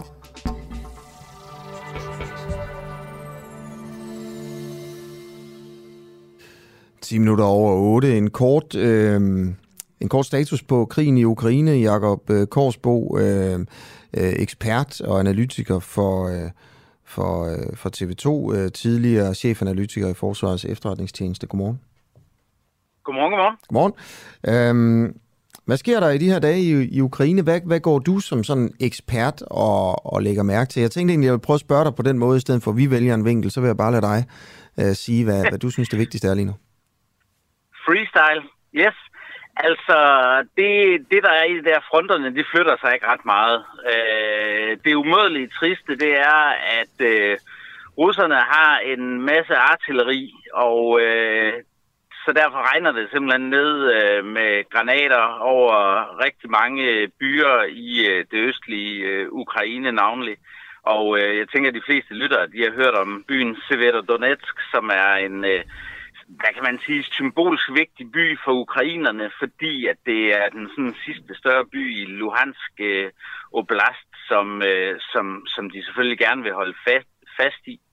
Øhm, og, øh, og, og de byer, man ser, som øh, russerne de, øh, de indtager, de er, de er smadret til ugenkendelighed og, og jævnet til, øh, til jorden, til øh, murbrokker.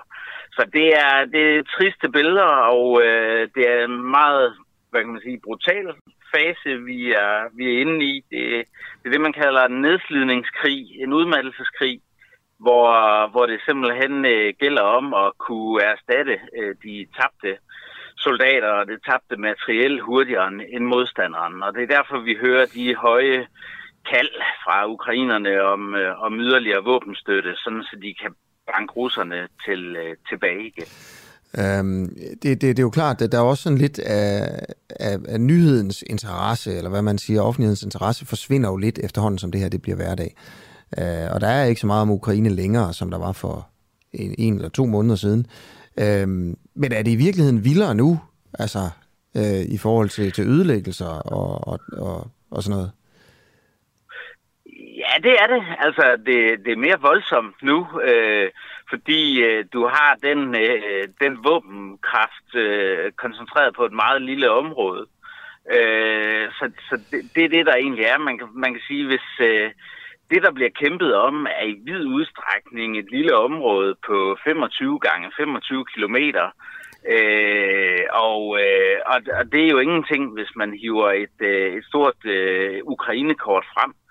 Øh, så, og, og derfor er alt, meget af russernes øh, kampkraft er simpelthen koncentreret i det lille øh, hjørne af, af landet, øh, fordi hvad kan man sige, det russiske mål og, og det, de har kunne kapere militært, det er bare blevet nedskaleret i, i løbet af de her måneder, der er gået. Altså de fleste ved jo, at det startede med en stor invasionsplan, og så skar man ned, og så sagde han, nu handler det om Donbass, og det var i virkeligheden hele det østlige Ukraine, sådan en, en tredjedel, mellem en tredjedel og halvdelen af landet, øst for Dnepro-floden, og så skar man det yderligere ned og yderligere ned, og nu, nu er de voldsomste mm. kampe omkring Severodonetsk, og så holder man selvfølgelig fast i de områder, man har erobret i syd. Øh, og der har ukrainerne så frems, eller startet en, en, en offensiv øh, ned mod den by, der hedder Kherson. Okay. Lad mig lige prøve at spørge dig om øh, noget, der er kommet frem. Det er en, en ny analyse, og jeg ved faktisk ikke, om du har hørt om den. Øh, det er Yale-professoren Timothy Snyder, øh, som, ja. som ligesom spekulerer i, om Putin har gang i en større sulteplan som skal udhungre den tredje verden. Øh, det, det handler om, det er, at Ukraine er jo sådan verdens kornkammer, siger man, eller Europas kornkammer. Øh, og man kan allerede se nu, at fordi at øh, viden ikke kan komme ud, og, og fødevaren ikke kan komme ud af Ukraine og blive eksporteret til hele verden, så mangler man mad i verden. Det vi kunne, og her er, øh, hvad kan man sige, analysen fra den amerikanske professor det vil skabe, det er jo russerne, der sørger for, at ukrainerne ikke kan komme ud med deres øh, skibe. Det her, det vil, det vil skabe hungersnød og sult i Afrika øh, og Mellemøsten, og det vil muligvis sætte mennesker i bevægelse. Øh, altså flygtningestrømme i bevægelse op mod Europa, og det kan så være med til at destabilisere Europa, når de her sultne menneskemængder ankommer. Øh, og det er altså også en måde at føre krig på. Så. Øh, hvad, hvad tænker du om den? Jeg ved ikke, har du, har du hørt den analyse? Ja, hvad, hvad ja det har jeg det? også, i, altså, i, i, for, lidt vildt og ja, i forskellige afskygninger. Ja, Jamen, altså, altså helt øh, basalt, øh, så øh, skyr Putin ingen midler. Det skal vi gøre os klart. Og, og, og hvis han kan se en interesse i at, at fremprovokere, at, at at menneskemængder sætter sig i bevægelse, der bliver urolighed, mange afrikanske lande vender sig mod, hvad kan man sige, mod Vesten og mod EU og siger, at det er Vesten og EU's skyld på grund af sanktioner mod Rusland og så videre, jamen så gør han det. Altså han er, han er øh, fuldstændig hæmningsløs, hvad det angår. Øh, og, og derfor så, så er det øh, meget sandsynligt, at han også tænker i, jamen altså jo mere jeg kan øh, destabilisere og, og sætte gang i flygtningestrømmen mod Europa. Jeg ved, hvordan det destabiliserer Europa. Jeg har set, hvilken politisk effekt det har på, på demokratierne. Mm. Øh, jamen, så er det jo i, i, i russisk interesse. Øh, så, så, så ja, øh, desværre, så, mm. så tror jeg ikke, at han øh, siger, nej, det er da også øh, synd for afrikanerne, mm. hvis de skal tages som gisler i det her. Øh, ja. Sådan er det ikke.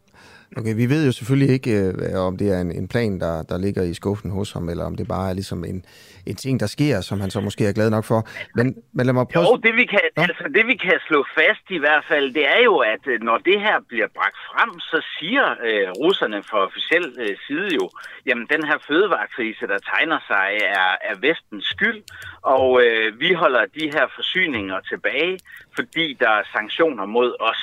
Mm.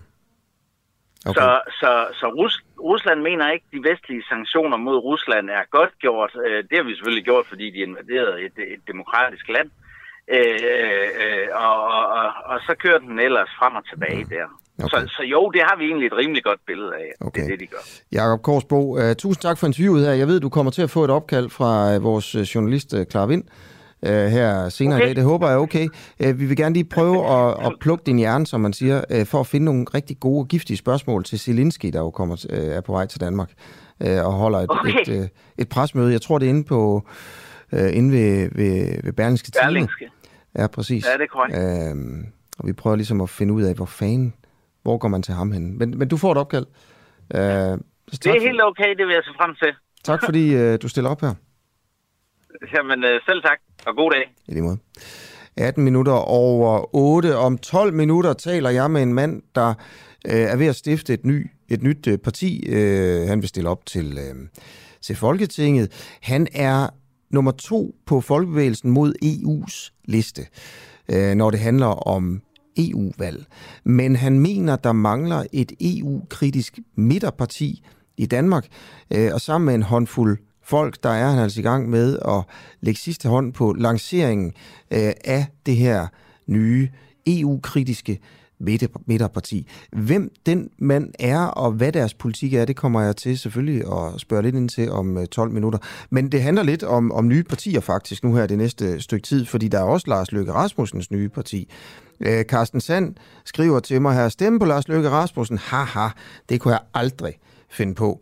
Lone Schneider skriver her, nej, at stemme på Moderaterne er nok en spildt stemme. Jon Steffensen, øh, godmorgen. Godmorgen. Godmorgen. Du stiller jo op for Lars Løkke Rasmussens nye øh, parti. Øh, hvorfor, hvorfor skal man stemme på, på jer? Jamen det, der sætter heldigvis ud til meningsmålinger nu, er, det, er der en del, der vil. Øh, men det skal man gøre, fordi det er et parti på midten. Øh, det er hverken rødt eller blåt, men det er et parti på midten, der prøver at samle midten i et nyt fælles projekt, der kan regere hen over midten. Og det tror jeg, mange danskere kan spejle sig selv i, at det ikke er en rød blok eller en blå blok, der regerer og har magten efter næste valg, men det er midten, der har magten og laver de reformer og de tiltag, der skal til for, at Danmark udvikler sig. Mm. Øhm, du er, hvad kender dig måske i offentligheden fra, og du, du har været debattør øh, flere gange, du har også været teaterdirektør, øh, og øh, nu er du så øh, blevet fyret fra øh, teateret. Øh, altså, sagt, der, der er forskel, men øh, det er rigtigt, ja. Okay, opsagt. Med 12 måneders løb. Ja, ja. Øh, og så, øh, så vælger du så at stille op for Lars Løkke Rasmussens øh, øh, parti. Vil du prøve at nævne nogle af de øh, politiske øh, sager eller løsninger, som, som du finder tiltalende hos Moderaterne? Ja, det vil jeg gerne. Jeg synes for det første det, at øh, som jeg selv har været med til at forme øh, i partiet, altså et, det er, at det er et parti på midten, og det vil sige, at det er et parti, som prøver at kigge til begge sider og ikke på forhånd stille sig op og grave en grøft og sige, at fordi det er den ene fløj, der foreslår noget, så kan den, man ikke være med. Og så vil jeg sige, at omkring kulturpolitik, der har vi allerede nu besluttet, at de næste fem år, der skal vi løfte kulturen med 1 milliard kroner per år. Øhm, og det er især børn og unge, vi, øh, vi hjælpe øh, gennem det her. Jeg synes, det er... Jeg tror på, eller det er måske sådan lidt enkelt at sige, men jeg, jeg synes, det er enormt vigtigt, at alle børn og unge har samme muligheder og chancer i livet helt fra start. Mm.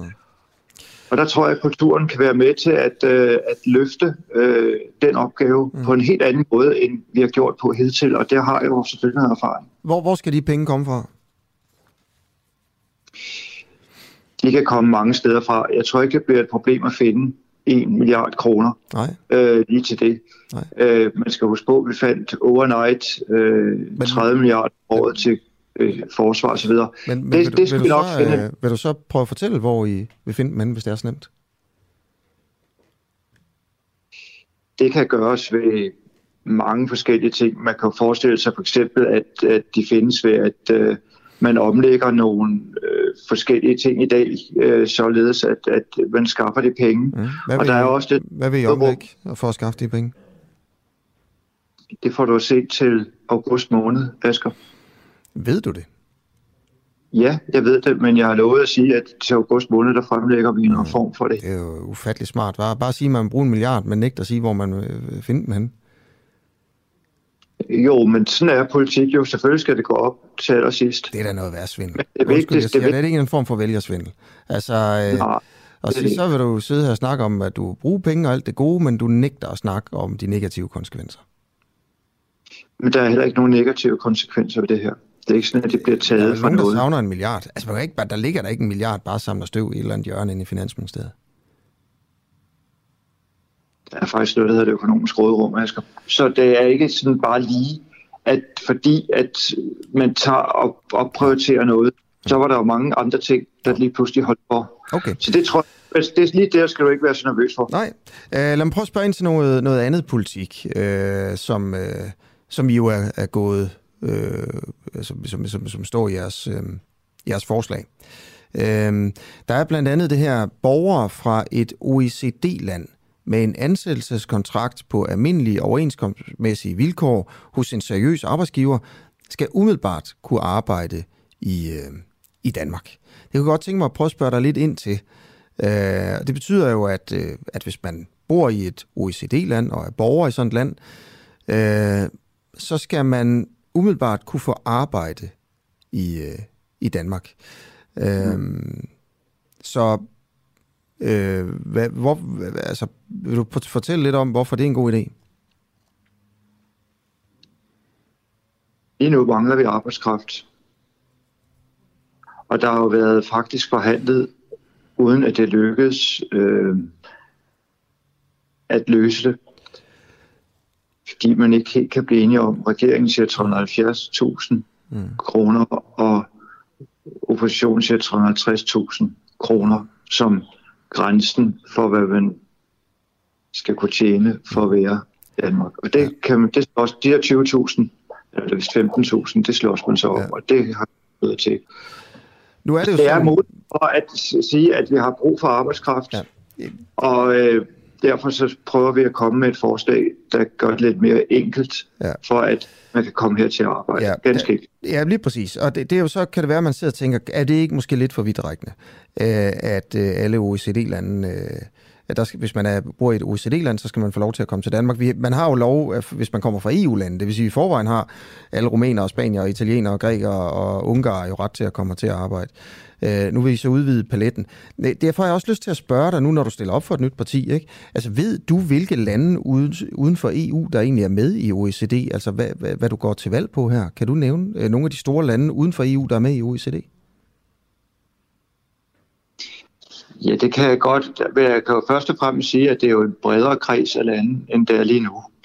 Og øh, du har ret i, at de fleste lande er jo i forvejen medlem af OECD, i dem du nævner der. Mm. Så det er jo ikke på den måde et, et, et, øh, et kæmpe skridt, men det er trods alt at brede det en lille bitte smule ud. Men, men kan du øh. prøve at nævne nogle af de store lande, der... Øh, altså, jeg quizzer dig simpelthen her. Ja, ja det ved jeg. jeg. Jeg er helt med på. Jeg ja. starter bare... Ja, USA. Du sidder, sidder du og googler ja. lige nu? Nej, jeg gør ikke, men okay. jeg siger, at USA er med i det, så vidt jeg husker. Jeg tror også, Australien du må ikke uh, hænge mig helt op på det. Jeg tror, at Australien og New Zealand er også med. De er i hvert fald ikke med i EU, men jeg mener, de er også af OECD-lande. Jeg synes i hvert fald, jeg kan huske, at der har været et stort møde i uh, Australien. Uh, så det mener jeg, at uh, de to-tre lande, jeg har nævnt her, og det er jo nogle ret vigtige lande, kan man sige, ja. i forhold til uh, altså størrelsesmængde. Hvis i forhold du, godt, til... Hvis du godt, at Tyrkiet er med i OECD? Jamen, det lyder da fint. Jeg tror også, Japan er, øh, når ja. vi nu er i der, gang der, med det. Der er 80 millioner tyrkere, som du mener ja. skal have ret til at arbejde i Danmark. Vil du, vil du prøve at fortælle, hvilke negative konsekvenser det vil have for det danske arbejdsmarked?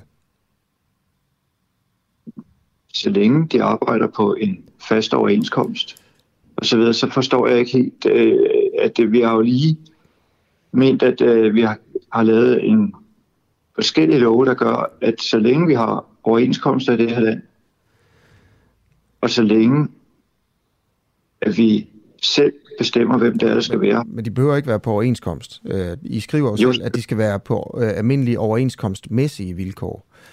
Ja. Er det det samme som at være på en overenskomst? Jeg tror, du er lige så enig som mig, Asger, at vi har nogle overenskomster i det her land, skal, der skal holdes. Det skal de selvfølgelig, uanset hvem der arbejder. Fordi en overenskomstmæssig vilkår er ikke det samme som at være på en overenskomst. Men, men lad, lad, lad, lad det ligge altså.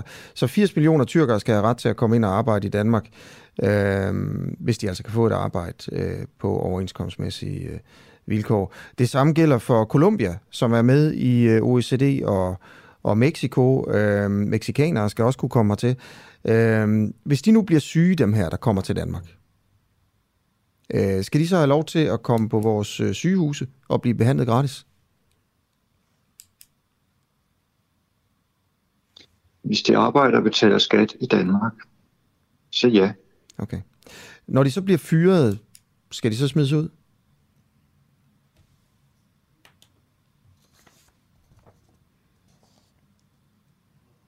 Hvis de ikke har et arbejde i Danmark, så skal de vel heller ikke være her.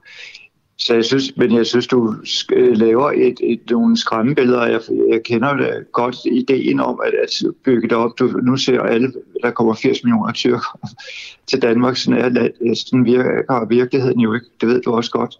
Så det er jo egentlig bare at sige ganske enkelt, at hvis man har mulighed for at få et job, og man kommer fra et OECD-land, så kan man få arbejde i Danmark. Mm. Man kan jo ikke komme herop hvis man ikke har et job. Så det er ligesom lige at lave nogle rammer, der er lidt mere forståelige end det billede, du bygger op for et øjeblik siden. Øhm, det synes jeg er vigtigt at tage med. Ja, det er klart, jeg citerer jo bare jeres egen, øh, eget forslag. Men du citerer ikke, du, vi siger, vi, vi, det jo ikke, der er ikke nogen, der forestiller sig, at der kommer 80 millioner tyrker heroppe og arbejder. Det er heller ingen, der siger. Øh, jo, det var det. Jeg, sagde... jeg, jeg prøver bare sådan, at øh, jeg kan godt lide din måde at male det op på, men jeg tror lige, man skal se det på en anden måde, og det tror jeg også. Øh... Okay. Øh, nu kan du have gået ind i politik her, Jon Steffensen, ikke? Øh, og stiller op til, til Folketinget. Øh, jeg vil bare lige høre, hvor stiller du op henne, og bliver, ved du, om du bliver spidskandidat? Det får du også ved til august. Vil du sige, okay, hvad med, hvor du stiller op? Er det, er det noget, du ved? Ja, det ved jeg godt. Okay, men det, det, det vil jeg heller ikke sige. Øhm, jeg vil spørge dig om noget her. Øh, du er jo stoppet med øjeblikkelig virkning på teateret Avenue T, øh, da teaterets bestyrelse har mistet tilliden til dig. Øh, det begrundes med, at bestyrelsen har mistet tilliden. Øh, det er ikke rigtig kommet frem, hvad det egentlig handler om, øh, den sag der. Øh, frihedsbrevet øh, spørger, om det har noget at gøre med, at der er kommet en socialdemokratisk borgmester. Er det en politisk fyring på en eller anden måde? Øh, vil, vil, du, vil du fortælle lidt om, hvorfor at øh, du er blevet opsagt, og bestyrelsen har mistet tilliden til dig? Jeg har, fået, jeg har tavshedspligt, Asger. Øh, og det eneste, jeg kan sige, det er, at de har fået et sagsanlæg øh, på en uberettet fyring, og jeg har 12 måneders løn. Så jeg er jo egentlig på den måde øh, blevet sagt op, så man kan sige hvilken svensk øh, mennesker op. Øhm, og omkring tillid vil jeg ikke sige så meget andet, end at der står et nyt hus til 40 millioner kroner, der blev indvidet for to dage siden. Og at vi aflever, jeg tror, vi har nogle meget flotte tal på, på bundlinjen og et flot repertoire. Mm. Så det, det, det, det, hvor, det er jo lidt fluffy at sige, mister tilliden. Øh, det, det, det er sådan noget, man næsten kan trække en automat. Så det, det, det forholder jeg mig nu stille og roligt til, øh, vil jeg sige. Øh, så det tager jeg ganske stille og roligt. Hvad vil der ske, hvis du brød tavshedspligten?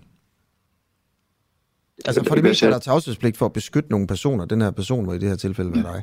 Hvad, hvad ville der ske, hvis du brød den? Det ved jeg ikke, Asger, men, men jeg har ikke lyst til at gå ind i det.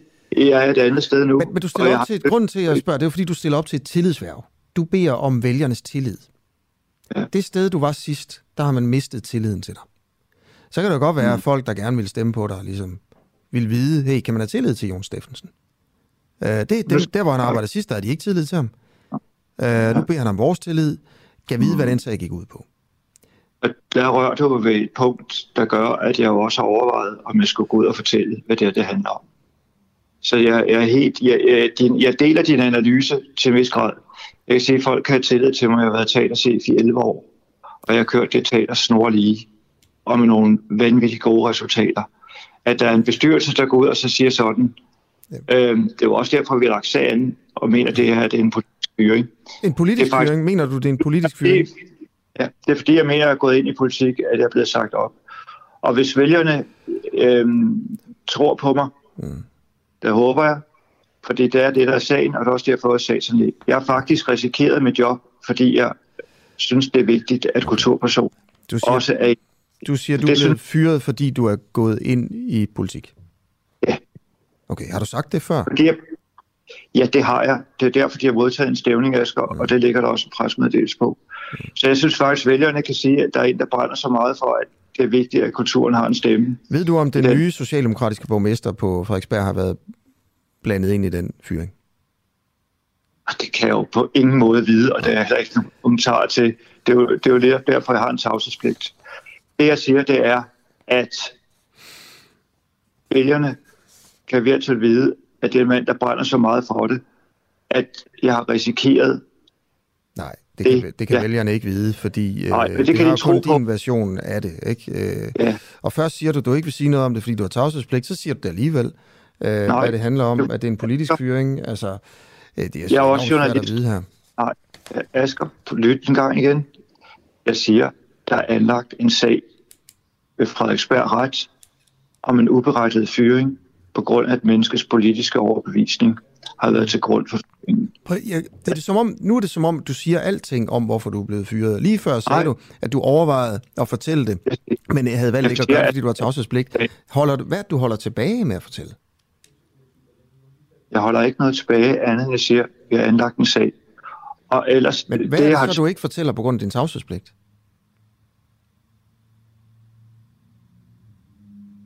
Hvad jeg ikke fortæller, det er, at jeg ikke kan fortælle noget om teateret, og hvad det er for nogle motiver, det kan være. Det, jeg siger, det har der du lige sagt. Du har lige sagt, det var politisk motiv. ja, og det er det, jeg siger, og det er ikke tavshedspligt. Det er, hvad jeg siger, så der, jeg holder ikke noget tilbage. Jeg har sagt højt og tydeligt til dig lige før. Du sagde jo lige, at du ikke ville sige det, fordi du har tavshedspligt. Og så siger du nu her, at du holder ikke noget tilbage. Nu siger du det alligevel. Altså, det, jeg, for mig giver det simpelthen ingen mening, det du siger. Jeg synes, det Jo, er... det gør det. Okay. Ja, men jeg tror, det giver mening for de fleste, undtagen dig. Jamen, det kan jeg siger, sagtens være. hey, mod teateret for en uberettiget fyring på grund af en menneskes over, politiske overbevisning. Og så kan jeg ikke sige mere end det. Okay. Fordi hvis jeg nævner noget som helst detaljer om teateret, så er det som at bryde min tavshedspligt. Og det beklager jeg. Jeg ville gerne kunne sige det, men jeg har ikke lyst til at miste øh, min 12 måneders løn og alt muligt andet. Øh, og jeg synes ikke, at det fører til noget at, øh, at tage sådan en debat. Øh, det tror jeg ikke nogen øh, vil komme nogen til gode. Og her især ikke det teater, som jeg trods alt har været chef for i 11 år, og som jeg selvfølgelig holder af. Jon Steffensen, tusind tak for øh, interviewet, altså folketingskandidat for Lars Løkke Rasmussens nye parti, Moderaterne, som altså stiller op til næste folketingsvalg. Tak for interviewet. Jamen, det er jo sådan set du. Klokken er 5 minutter over halv ni. Husk at skrive ind til mig, hvis du har en kommentar øh, eller et spørgsmål til, til udsendelsen her. Husk at støtte os ind på hjemmesiden. Øh, vi har brug for øh, penge og midler til at lave øh, kritisk øh, journalistik og interviews. Øh, hvis du melder dig ind, får du en masse fordele, øh, og øh, du får adgang til nogle unikke programmer og vores daglige nyhedsbrev, hvor vi for eksempel også kommer til at skrive om lige præcis det her interview, jeg har lavet med Jon Steffensen nu her. Øh, det koster kun 59 kroner om måneden. Jeg håber, at øh, du vil overveje det, ellers kan du selvfølgelig øh, lytte med her gratis. En ny, et nyt parti øh, kommer til at se dagens lys. Endnu et nyt parti her efter sommerferien. Det er nummer to på Folkebevægelsen mod EU's liste. Lave Brok, som altså stifter et nyt EU-kritisk midterparti i Danmark, som vil stille op til Folketinget. Godmorgen, Lave Brok. Godmorgen. Godmorgen. Hvad vil, øh, hvad vil det her nye parti? Ja, vi er jo i gang med at strække det sammen via en gruppe personer, øh, over 10 personer, som sidder i øjeblikket og arbejder på både grundlag og struktur og sådan noget. Men vi er allerede blevet enige om øh, fire grundsøjler for partiet. Øh, og den første grundsøjle drejer sig helt klart om demokrati. Øh, for os er det utrolig vigtigt, at magten ligger så tæt på borgerne som muligt, og det er ikke kun noget i teorien, men det er også noget, vi ønsker i virkeligheden. Og derfor er vi jo også imod den centralisering af magt, der sker i EU. Øh, og vi går også mere ind for folkeafstemninger, at befolkningen skal få mere indflydelse på, på mange flere ting. Og vi er imod øh, flere kommunesamlægninger, og at man altså fjerner magt fra, hvor borgerne bor. Så demokrati, det er den første grundsøjle. Så har vi en anden grundsøjle, der hedder Hele Danmark skal leve, som går ud på, at vi ikke ønsker, at der skal være noget udkantsområde i Danmark. Øh, og det er helt grundlæggende for os, at der skal være de faciliteter, som man forventer øh, i Danmark, altså med politi, brandvæsen, skadestuer og sådan noget tæt på borgerne, og tingene skal ikke flyttes så langt væk, så, så der bliver områder, der, der sådan bliver en slags udkantsområder. Så har vi en tredje søjle, der drejer sig om den grønne omstilling, hvor vi øh, ønsker, at, at der skal ske noget i forhold til både klimaudfordringer og biologisk mangfoldighed øh, og mange andre ting, hvor, hvor naturen og miljøet faktisk er truet. Øh, og den fjerde søjle, den drejer sig om det internationale, hvor vi godt kunne tænke os et tættere nordisk samarbejde, og vi er faktisk blevet enige om, at målet for os vil være et nordisk statsforbund, altså en konfederation, hvor Norden går sammen og for eksempel søger om optagelse i G20, som er verdens øh, 20 største økonomier. For Norden er nemlig verdens 13. største økonomi, så vi synes, at nordisk stemme i verden ville være rigtig godt, ikke kun for Danmark, men også globalt. Mm. Øhm, prøv at fortælle mig, hvordan øh, det her, man kan se på det her nye øh, midterparti, som du kalder det, øh, at, at du og andre, der er med til at stifte, kommer fra folkebevægelsen mod EU? Jamen altså, øh, øh, vi er jo ikke kun fra folkebevægelsen. Jeg ved, der er jo folk, der har været med i junibevægelsen. Der er også folk, som ikke har været aktive i folkebevægelsen, men har været i retsforbundet og andre steder. Jeg har jo selv været med i Radikale Venstre i, i mange år, men meldte mig ud i 2019. Øh, så der er folk, der kommer fra andre steder, hvor, hvor man synes, at, at det har været dårligt. Men vi er blevet enige om, at øh, partiet skal bakke op om folkebevægelsen mod EU. Altså vi, Folkevæsen er jo ikke et politisk parti, det er en bevægelse. Øh, og for os, der blev det helt åbenlyst med den her folkeafstemning, vi har haft om forsvarsforbeholdet, at det var det var ikke særlig demokratisk, når man ser sådan ni ja-partier i Danmarks Radio, der står og diskuterer med, med tre ja-partier eller tre nej-partier, ikke? fordi der var ni mod tre. Og, og generelt så var paneler også rundt om i landet øh, ikke særlig brede. Øh, der var også debatter, hvor Mette Frederiksen bare mødes med Søren Gade, og også noget, hvor man prøvede at holde nej-siden ude. Øh, og der tror vi også, at, at det, at vi øh, kommer på banen, øh, kan være med til at bakke op om for eksempel, at enten at folkevæsen er med i, i debatterne, eller at vores parti øh, så synliggøres. For der er mange danskere, der er kritiske til den centralisering af magt, som vi ser i EU, som ikke befinder sig hverken helt ude til, ved enhedslisten eller over ved de to højre partier. Okay, altså et nyt parti her i midten af dansk politik, der stiller op til Folketinget, øh, der vil have en nordisk konfederation og øh, ud af EU og i det hele taget en decentralisering af magten, og så sådan øh, går ind for den grønne omstilling, sikkert i mere eller mindre med, med nuancer og sådan noget, som, som de fleste partier jo nu øh, gør her. Øh, Lea Brock, tusind tak, fordi du vil fortælle lidt om det. Det bliver, bliver ganske kort nu her. Øh, ja. Bare lige høre, har du navnet på det nye parti, og hvem der skal være formand? Jeg har navnet, men det får du desværre ikke nu. Øh, jeg lover dig, at øh, den uafhængige skal få en masse informationer, når vi går i luften. Øh, og nej, vi har ikke valgt formand endnu. Det gør vi også, når vi, når vi stifter os. Mm. Øhm, og hvornår bliver stiftelsen, og når I at, at, at, at være med i den øh, kommende valgkamp? Øh, vi regner med, at det bliver i september, og øh, det kan være, at det bliver starten af oktober. Det afhænger af en masse praktiske ting, der skal på plads først, fordi vi vil gerne have en organisation på plads, så folk kan melde sig ind. Øh, men om vi når at komme med i denne valgkamp, ved vi jo ikke, fordi Mette Frederiksen kan jo faktisk beslutte, at der kommer et hurtigt folketingsvalg. Øh, hvis det først bliver øh, i maj næste år, så kan vi formentlig være med. Øh, vi skal jo så ud og samle underskrifter og vælgererklæringer, øh, og det bliver jo et, et vigtigt arbejde, hvor vi håber, at mange vil hjælpe os. Mm. Øh, men det afhænger af det. For os er det bare vigtigt, at det er den lange bane. Vi, vi har tænkt at lave det her, uanset om vi når at komme med i dette folketingsvalg eller ej. Vi kommer til at blive et parti, som, øh, som kommer ind i, i politikken og som blander os i tingene. Det, det er helt sikkert. Det er selvfølgelig noget, vi følger op på her øh, senere på Den Uafhængige efter sommeren. Klokken er 8. 42. Du lytter til Den Uafhængige. Jeg hedder Asker, og Peter Pedersen har jo skrevet en rigtig dejlig sms ind her. Tak for en god og dybdeborende morgenradio. Selv tak, Peter. TV2 News har måttet vige pladsen for Den Uafhængige, og jeg betaler med glæde min andel på 59 kroner per måned. Det er jeg faktisk rigtig glad for, Peter, øh, og det er I mange, der gør, og tusind tak til alle jer, der gør det. Ja, det siger vi alt, alt for lidt. Øh, tak for. Øhm, øh, og især også jer, der bliver ved med at betale her, når øh, der er økonomisk krise på vej. Ikke? Øh, der er vi jo super nervøse for, øh, hvad der kommer til at ske med vores sådan, økonomiske grundlag her. Øhm,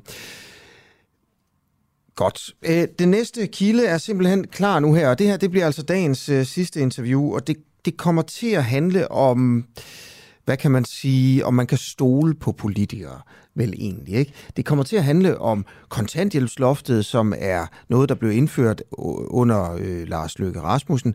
Et loft for kontanthjælp, som hvis man var arbejdsløs og kontanthjælpsmodtager, så kunne man ikke få mere end så og så mange penge. Øh, det var noget, som Mette Frederiksen var stærk modstander af, dengang hun var i opposition.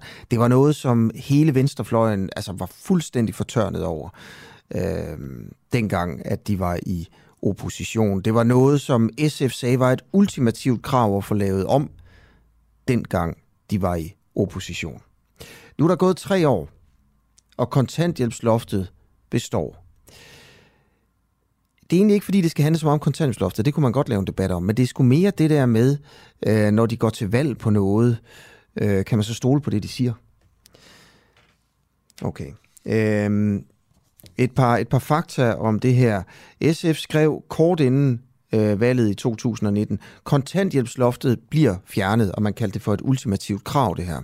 Desværre først om et år, skrev SF i 2019. Øh, vi har prøvet den her uge og i sidste uge at få et interview med Pia Olsen Dyr og andre fra SF's øh, folketingsgruppe. Det er simpelthen ikke lykkedes, det her. Øh, er det stadigvæk et ultimativt krav, at det her kontanthjælpsloft det skal fuldstændig fjernes inden, øh, inden næste valg? Øh, det er jo som om, at det bare er blevet lagt i syltekrukken, og der sker ikke Øh, der sker ingenting. Og det kan være, hvis man sidder der og har stemt på venstrefløjen, fordi at man regnede med, at venstrefløjen ville fjerne kontanthjælpsloftet, ja, øh, så er man øh, måske en lille smule øh, skuffet øh, nu her. Lad os lige prøve at høre bare lige et lille klip her øh, med, hvad Pernille rosenkrantz teil sagde før valget, før valget øh, i 2019. Pernille rosenkrantz teil ja eller nej, vil Socialdemokratiet, hvis I får regeringsmagten, har et flertal i Folketinget efter et valg, fjerne kontanthjælpsloftet? Ja. Ingen tvivl? Nej. Uh, ja, det taler jo næsten for sig selv. Uh, det her, Mads Bilstrup, du er formand for Socialrådgiverne. Godmorgen. Godmorgen. Godmorgen. Øh, ved du noget om, hvordan det går med, med løftet om at afskaffe øh, kontanthjælpsloftet? Nej, altså vi sidder jo også og venter her på tredje år i Dansk Socialrådgiverforening på, at øh, kontanthjælpsloftet, men også øh, det, der hedder selvforsørgelse og hjemsendelsesydelsen og 225-timers reglen, som jo alle sammen, alle tre ydelser er fattigdomsskabende for de familier og børn, der er, er påvirket og, og, og er ramt af de her nedsatte ydelser. Så øh, sådan som jeg har hørt det, så øh, gør man et forsøg på at, at lave en aftale, øh, inden vi alle sammen går på sommerferie. Men hvad status er lige nu, det ved jeg simpelthen ikke. Øhm, tænker du, hvad tænker du i forhold til sådan øhm, øh, tiden, der er gået? Nu, nu er vi 2022. Øh, de her ting, jeg, jeg lige læste op og, og spillede et klip fra, det var inden valget i 2019. Øh, hvad tænker du om, at der er gået tre år? Altså, man skal iagtage, at øh, tre år, øh, hvor skal man sige, regeringen og støttepartierne har lovet at lave et opgør med de her fattigdomsskabende ydelse, har den betydning, at de familier og børn, der er påvirket og ramt af ydelserne, har nogle meget svære vilkår at leve under. Som blandt andet betyder, at øh, familierne har svært ved at få deres økonomi til at hænge sammen. Det er hver dag en benhård prioritering at vælge mellem at betale husleje, kunne købe noget almindeligt, øh, sundt, nærende mad, kunne sende sine børn øh, til nogle fritidsaktiviteter. Mange af de her familier øh, fravælger receptpligtig medicin, fordi der ganske enkelt ikke er råd til det. Og samtidig ved vi, og det, ved, det siger forskning også, at børn, der har en opvækst i fattigdom i mere end et år, så vil det have nogle langvarige konsekvenser for dem, både i forhold til øh, skal man sige, deres skolegang, deres ungdomsliv og vejen ind i voksenlivet, sådan at de selv bliver i høj risiko for at, at skal man sige, ende i det sociale system og ende på, på offentlig forsørgelse. Mm.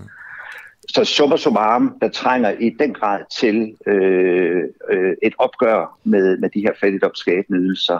Mm. Og jeg synes, at det er lidt en forlidt erklæring, at, øh, at man fra regeringen og fra støttepartiernes side endnu ikke har kunne, kunne lave en, en fornuftig ordentlig aftale øh, omkring hele ydelsessystemet. Det, det lyder som om, du er lidt skuffet over det.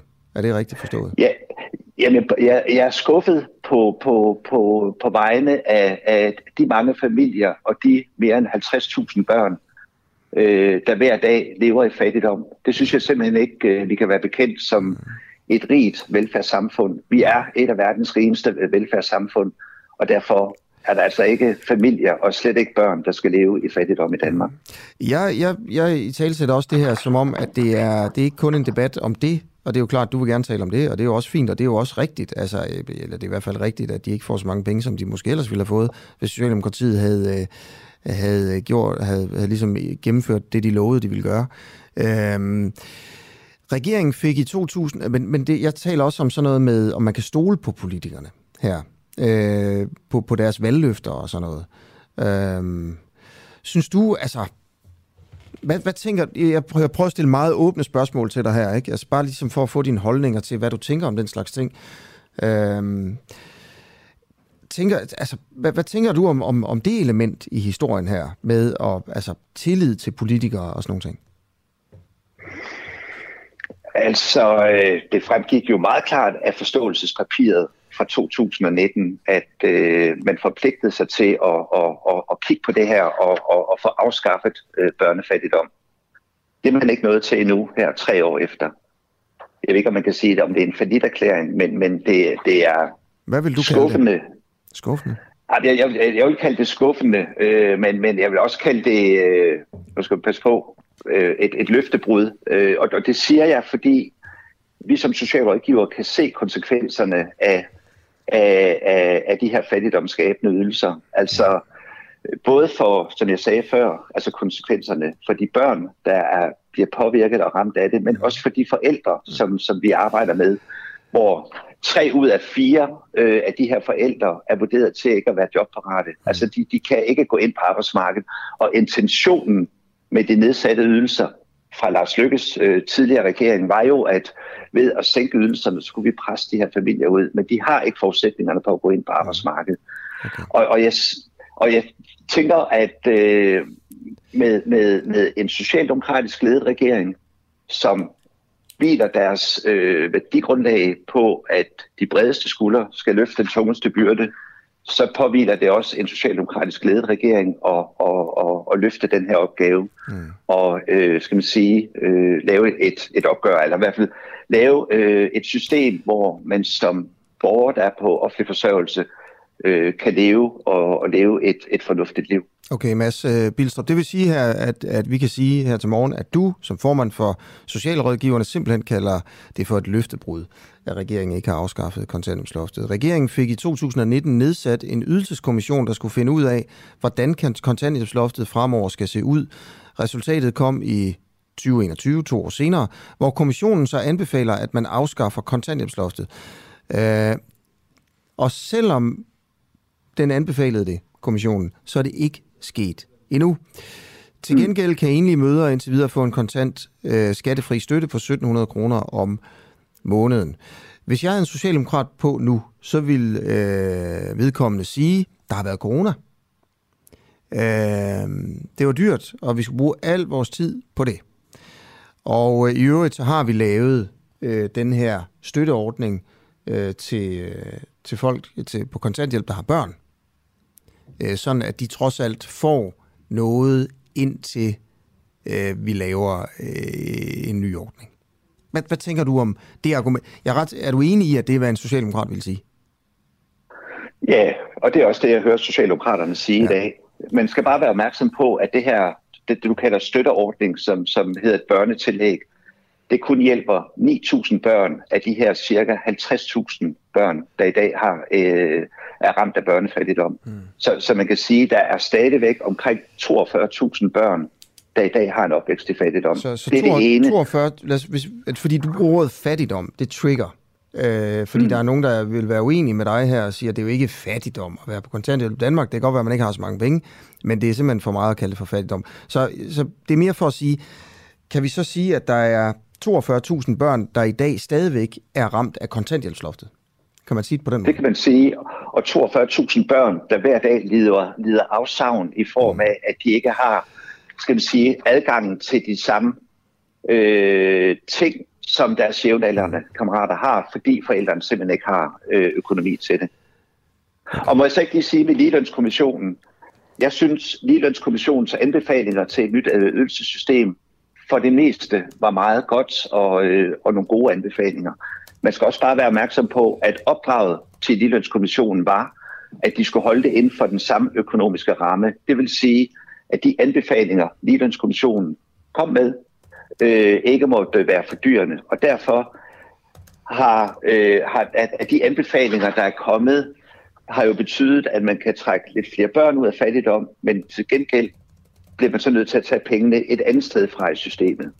Så hvis man skal have løst problemet med fattigdom og med kontanthjælpsloftet, 225 timers reglen og det, der hedder hjemsendelse og selvforsørgelsesydelsen, det er den gamle integrationsydelse, så bliver man nødt til at komme flere penge ind i systemet for at, at løse, at ingen har øh, øh, skal man sige, øh, de her meget nedsatte ydelser, og, og hver dag må, må det jo fattigdom og lide afsavn. Ja.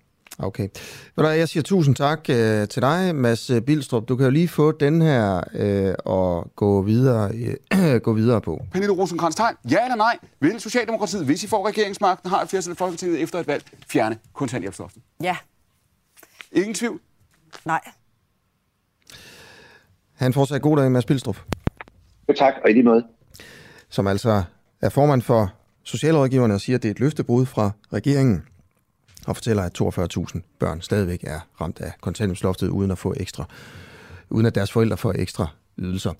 Øh, nu er det sådan, at der er fem minutter tilbage af udsendelsen, øh, og øh, det er dejligt, øh, at, øh, at, I, at I lytter med. Jeg har ikke mere på programmet, men vi sender i fem minutter endnu.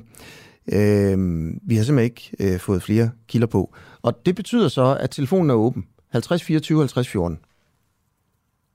Og så sidder jeg herinde i studiet og drikker kaffe, og så ser vi, om der er nogen, der ringer 50 24 50 14. Og det er altså din mulighed for øh, at komme i medierne, kan man sige. Spørgsmål til mig om øh, den uafhængige idéer til, hvad vi kunne tage op øh, og, og grave i, eller hvem vi skulle interviewe. Mm-hmm. Ja, hallo? Nej. 50 24 50 14. Der var lige en, der ringede, men så fortrød. Jeg kan lige tage en øh, kort nyhed. FN-chef kalder britisk Rwanda-plan for helt forkert. Storbritannien har lavet en Rwanda-plan, ligesom øh, Danmark har. Øh, der er... oh. Godmorgen. Godmorgen. Godmorgen, så er du igennem i radioen. Hvem har jeg med her? Godmorgen, Astuen. Du har en, der hedder Morten med. Godmorgen, Morten. Godmorgen. Hvad, var det en guldsliber?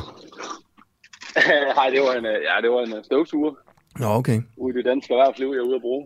Ja. Hvor, øh, hvor er du henne i... Jeg er der i ørerne hver dag. Ja, har du jeg det? Er en, ja, en fornøjelse. Jo, tak. Øhm, jeg har en, øh, en kone, der arbejder inden for noget, jeg synes er interessant. Jeg kan ikke sådan afsløre, hvad det er. Hmm. Men øhm, Forbrugerrådet Tænk, de har sådan en bedst i test. Ja. Der bliver udgivet hver år. Øhm, og, øhm, og der kan man jo, hvad hedder det, øhm, man kan få, øhm, man kan få det der øh, markat på sine produkter, der hedder bedst i test. Mm. Den kan du, øh, selvom året det er gået, så kan du blive med at bruge den der bedste test mm. flere år i træk, uden at der står, hvad årstal dem, dem Mm. de, de fik, dem der så bedst i test. Ah, det kan være, der er kommet Det en ny, der var bedst i test siden da. Ja, og det skal de så ikke reklamere med, dem der havde bedst i test i 2000 og lad os sige, Nej, så hvis din de støvsuger der er, er 20 år gammel, og den, den vandt den bedste test dengang, så kan de stadig reklamere med, at den var bedst i test. Ja, lige nok. Ah.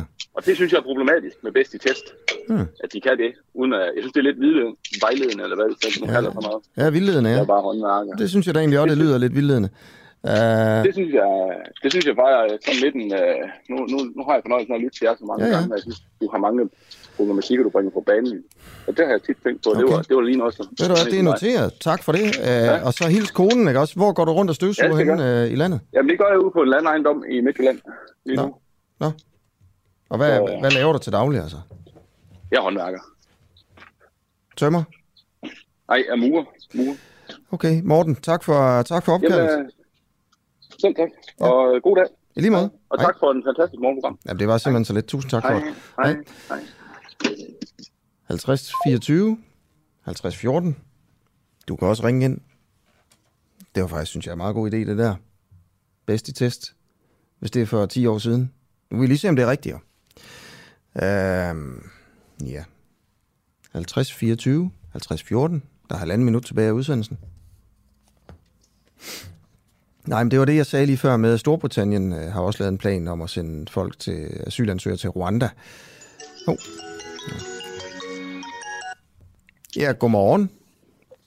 Ja, godmorgen. Du taler med Markus. Ja, hej, godmorgen. Godmorgen. Jamen, jeg ringer, øh, jeg ringer bare, fordi jeg vil bare lige kommentere noget med hensyn til det her med, øh, med, øh, med børn i fattigdom eller kontantloftsgrænsen. Mm. Uh, og uh, hvad hedder det? Altså, jeg, jeg voksede op, hvor at min mor på et tidspunkt var på uh, kontanthjælp. Mm. Det, og det var utrolig... Altså, det var, man følte sig virkelig udenfor. Fordi vi havde ikke råd til at gå til sport, eller tage ud og rejse, mm. eller få det nye tøj. Så det vil bare sige, at det, det, virkelig, det sætter virkelig stort det, præg. Det er virkelig vigtigt for, for børn. Øh, tak for det. Der, udsendelsen er ved at være færdig. Tak fordi du lige vil ringe ind. Hvor, hvor ringer du fra, øh, og hvad laver du til daglig? Fra København. Mm. I dag så arbejder jeg som kreativ leder, så det er gået meget godt. Mm. Men, øh, men det var en hård tid. Okay, der, tusind tak for, for opkaldet. Øh, og tak til alle jer andre, der har lyttet med her til morgen. Vi er selvfølgelig tilbage igen øh, i morgen klokken 7. Det er klart, det er vi hver, hver dag jo. Ja, klokken den er 9.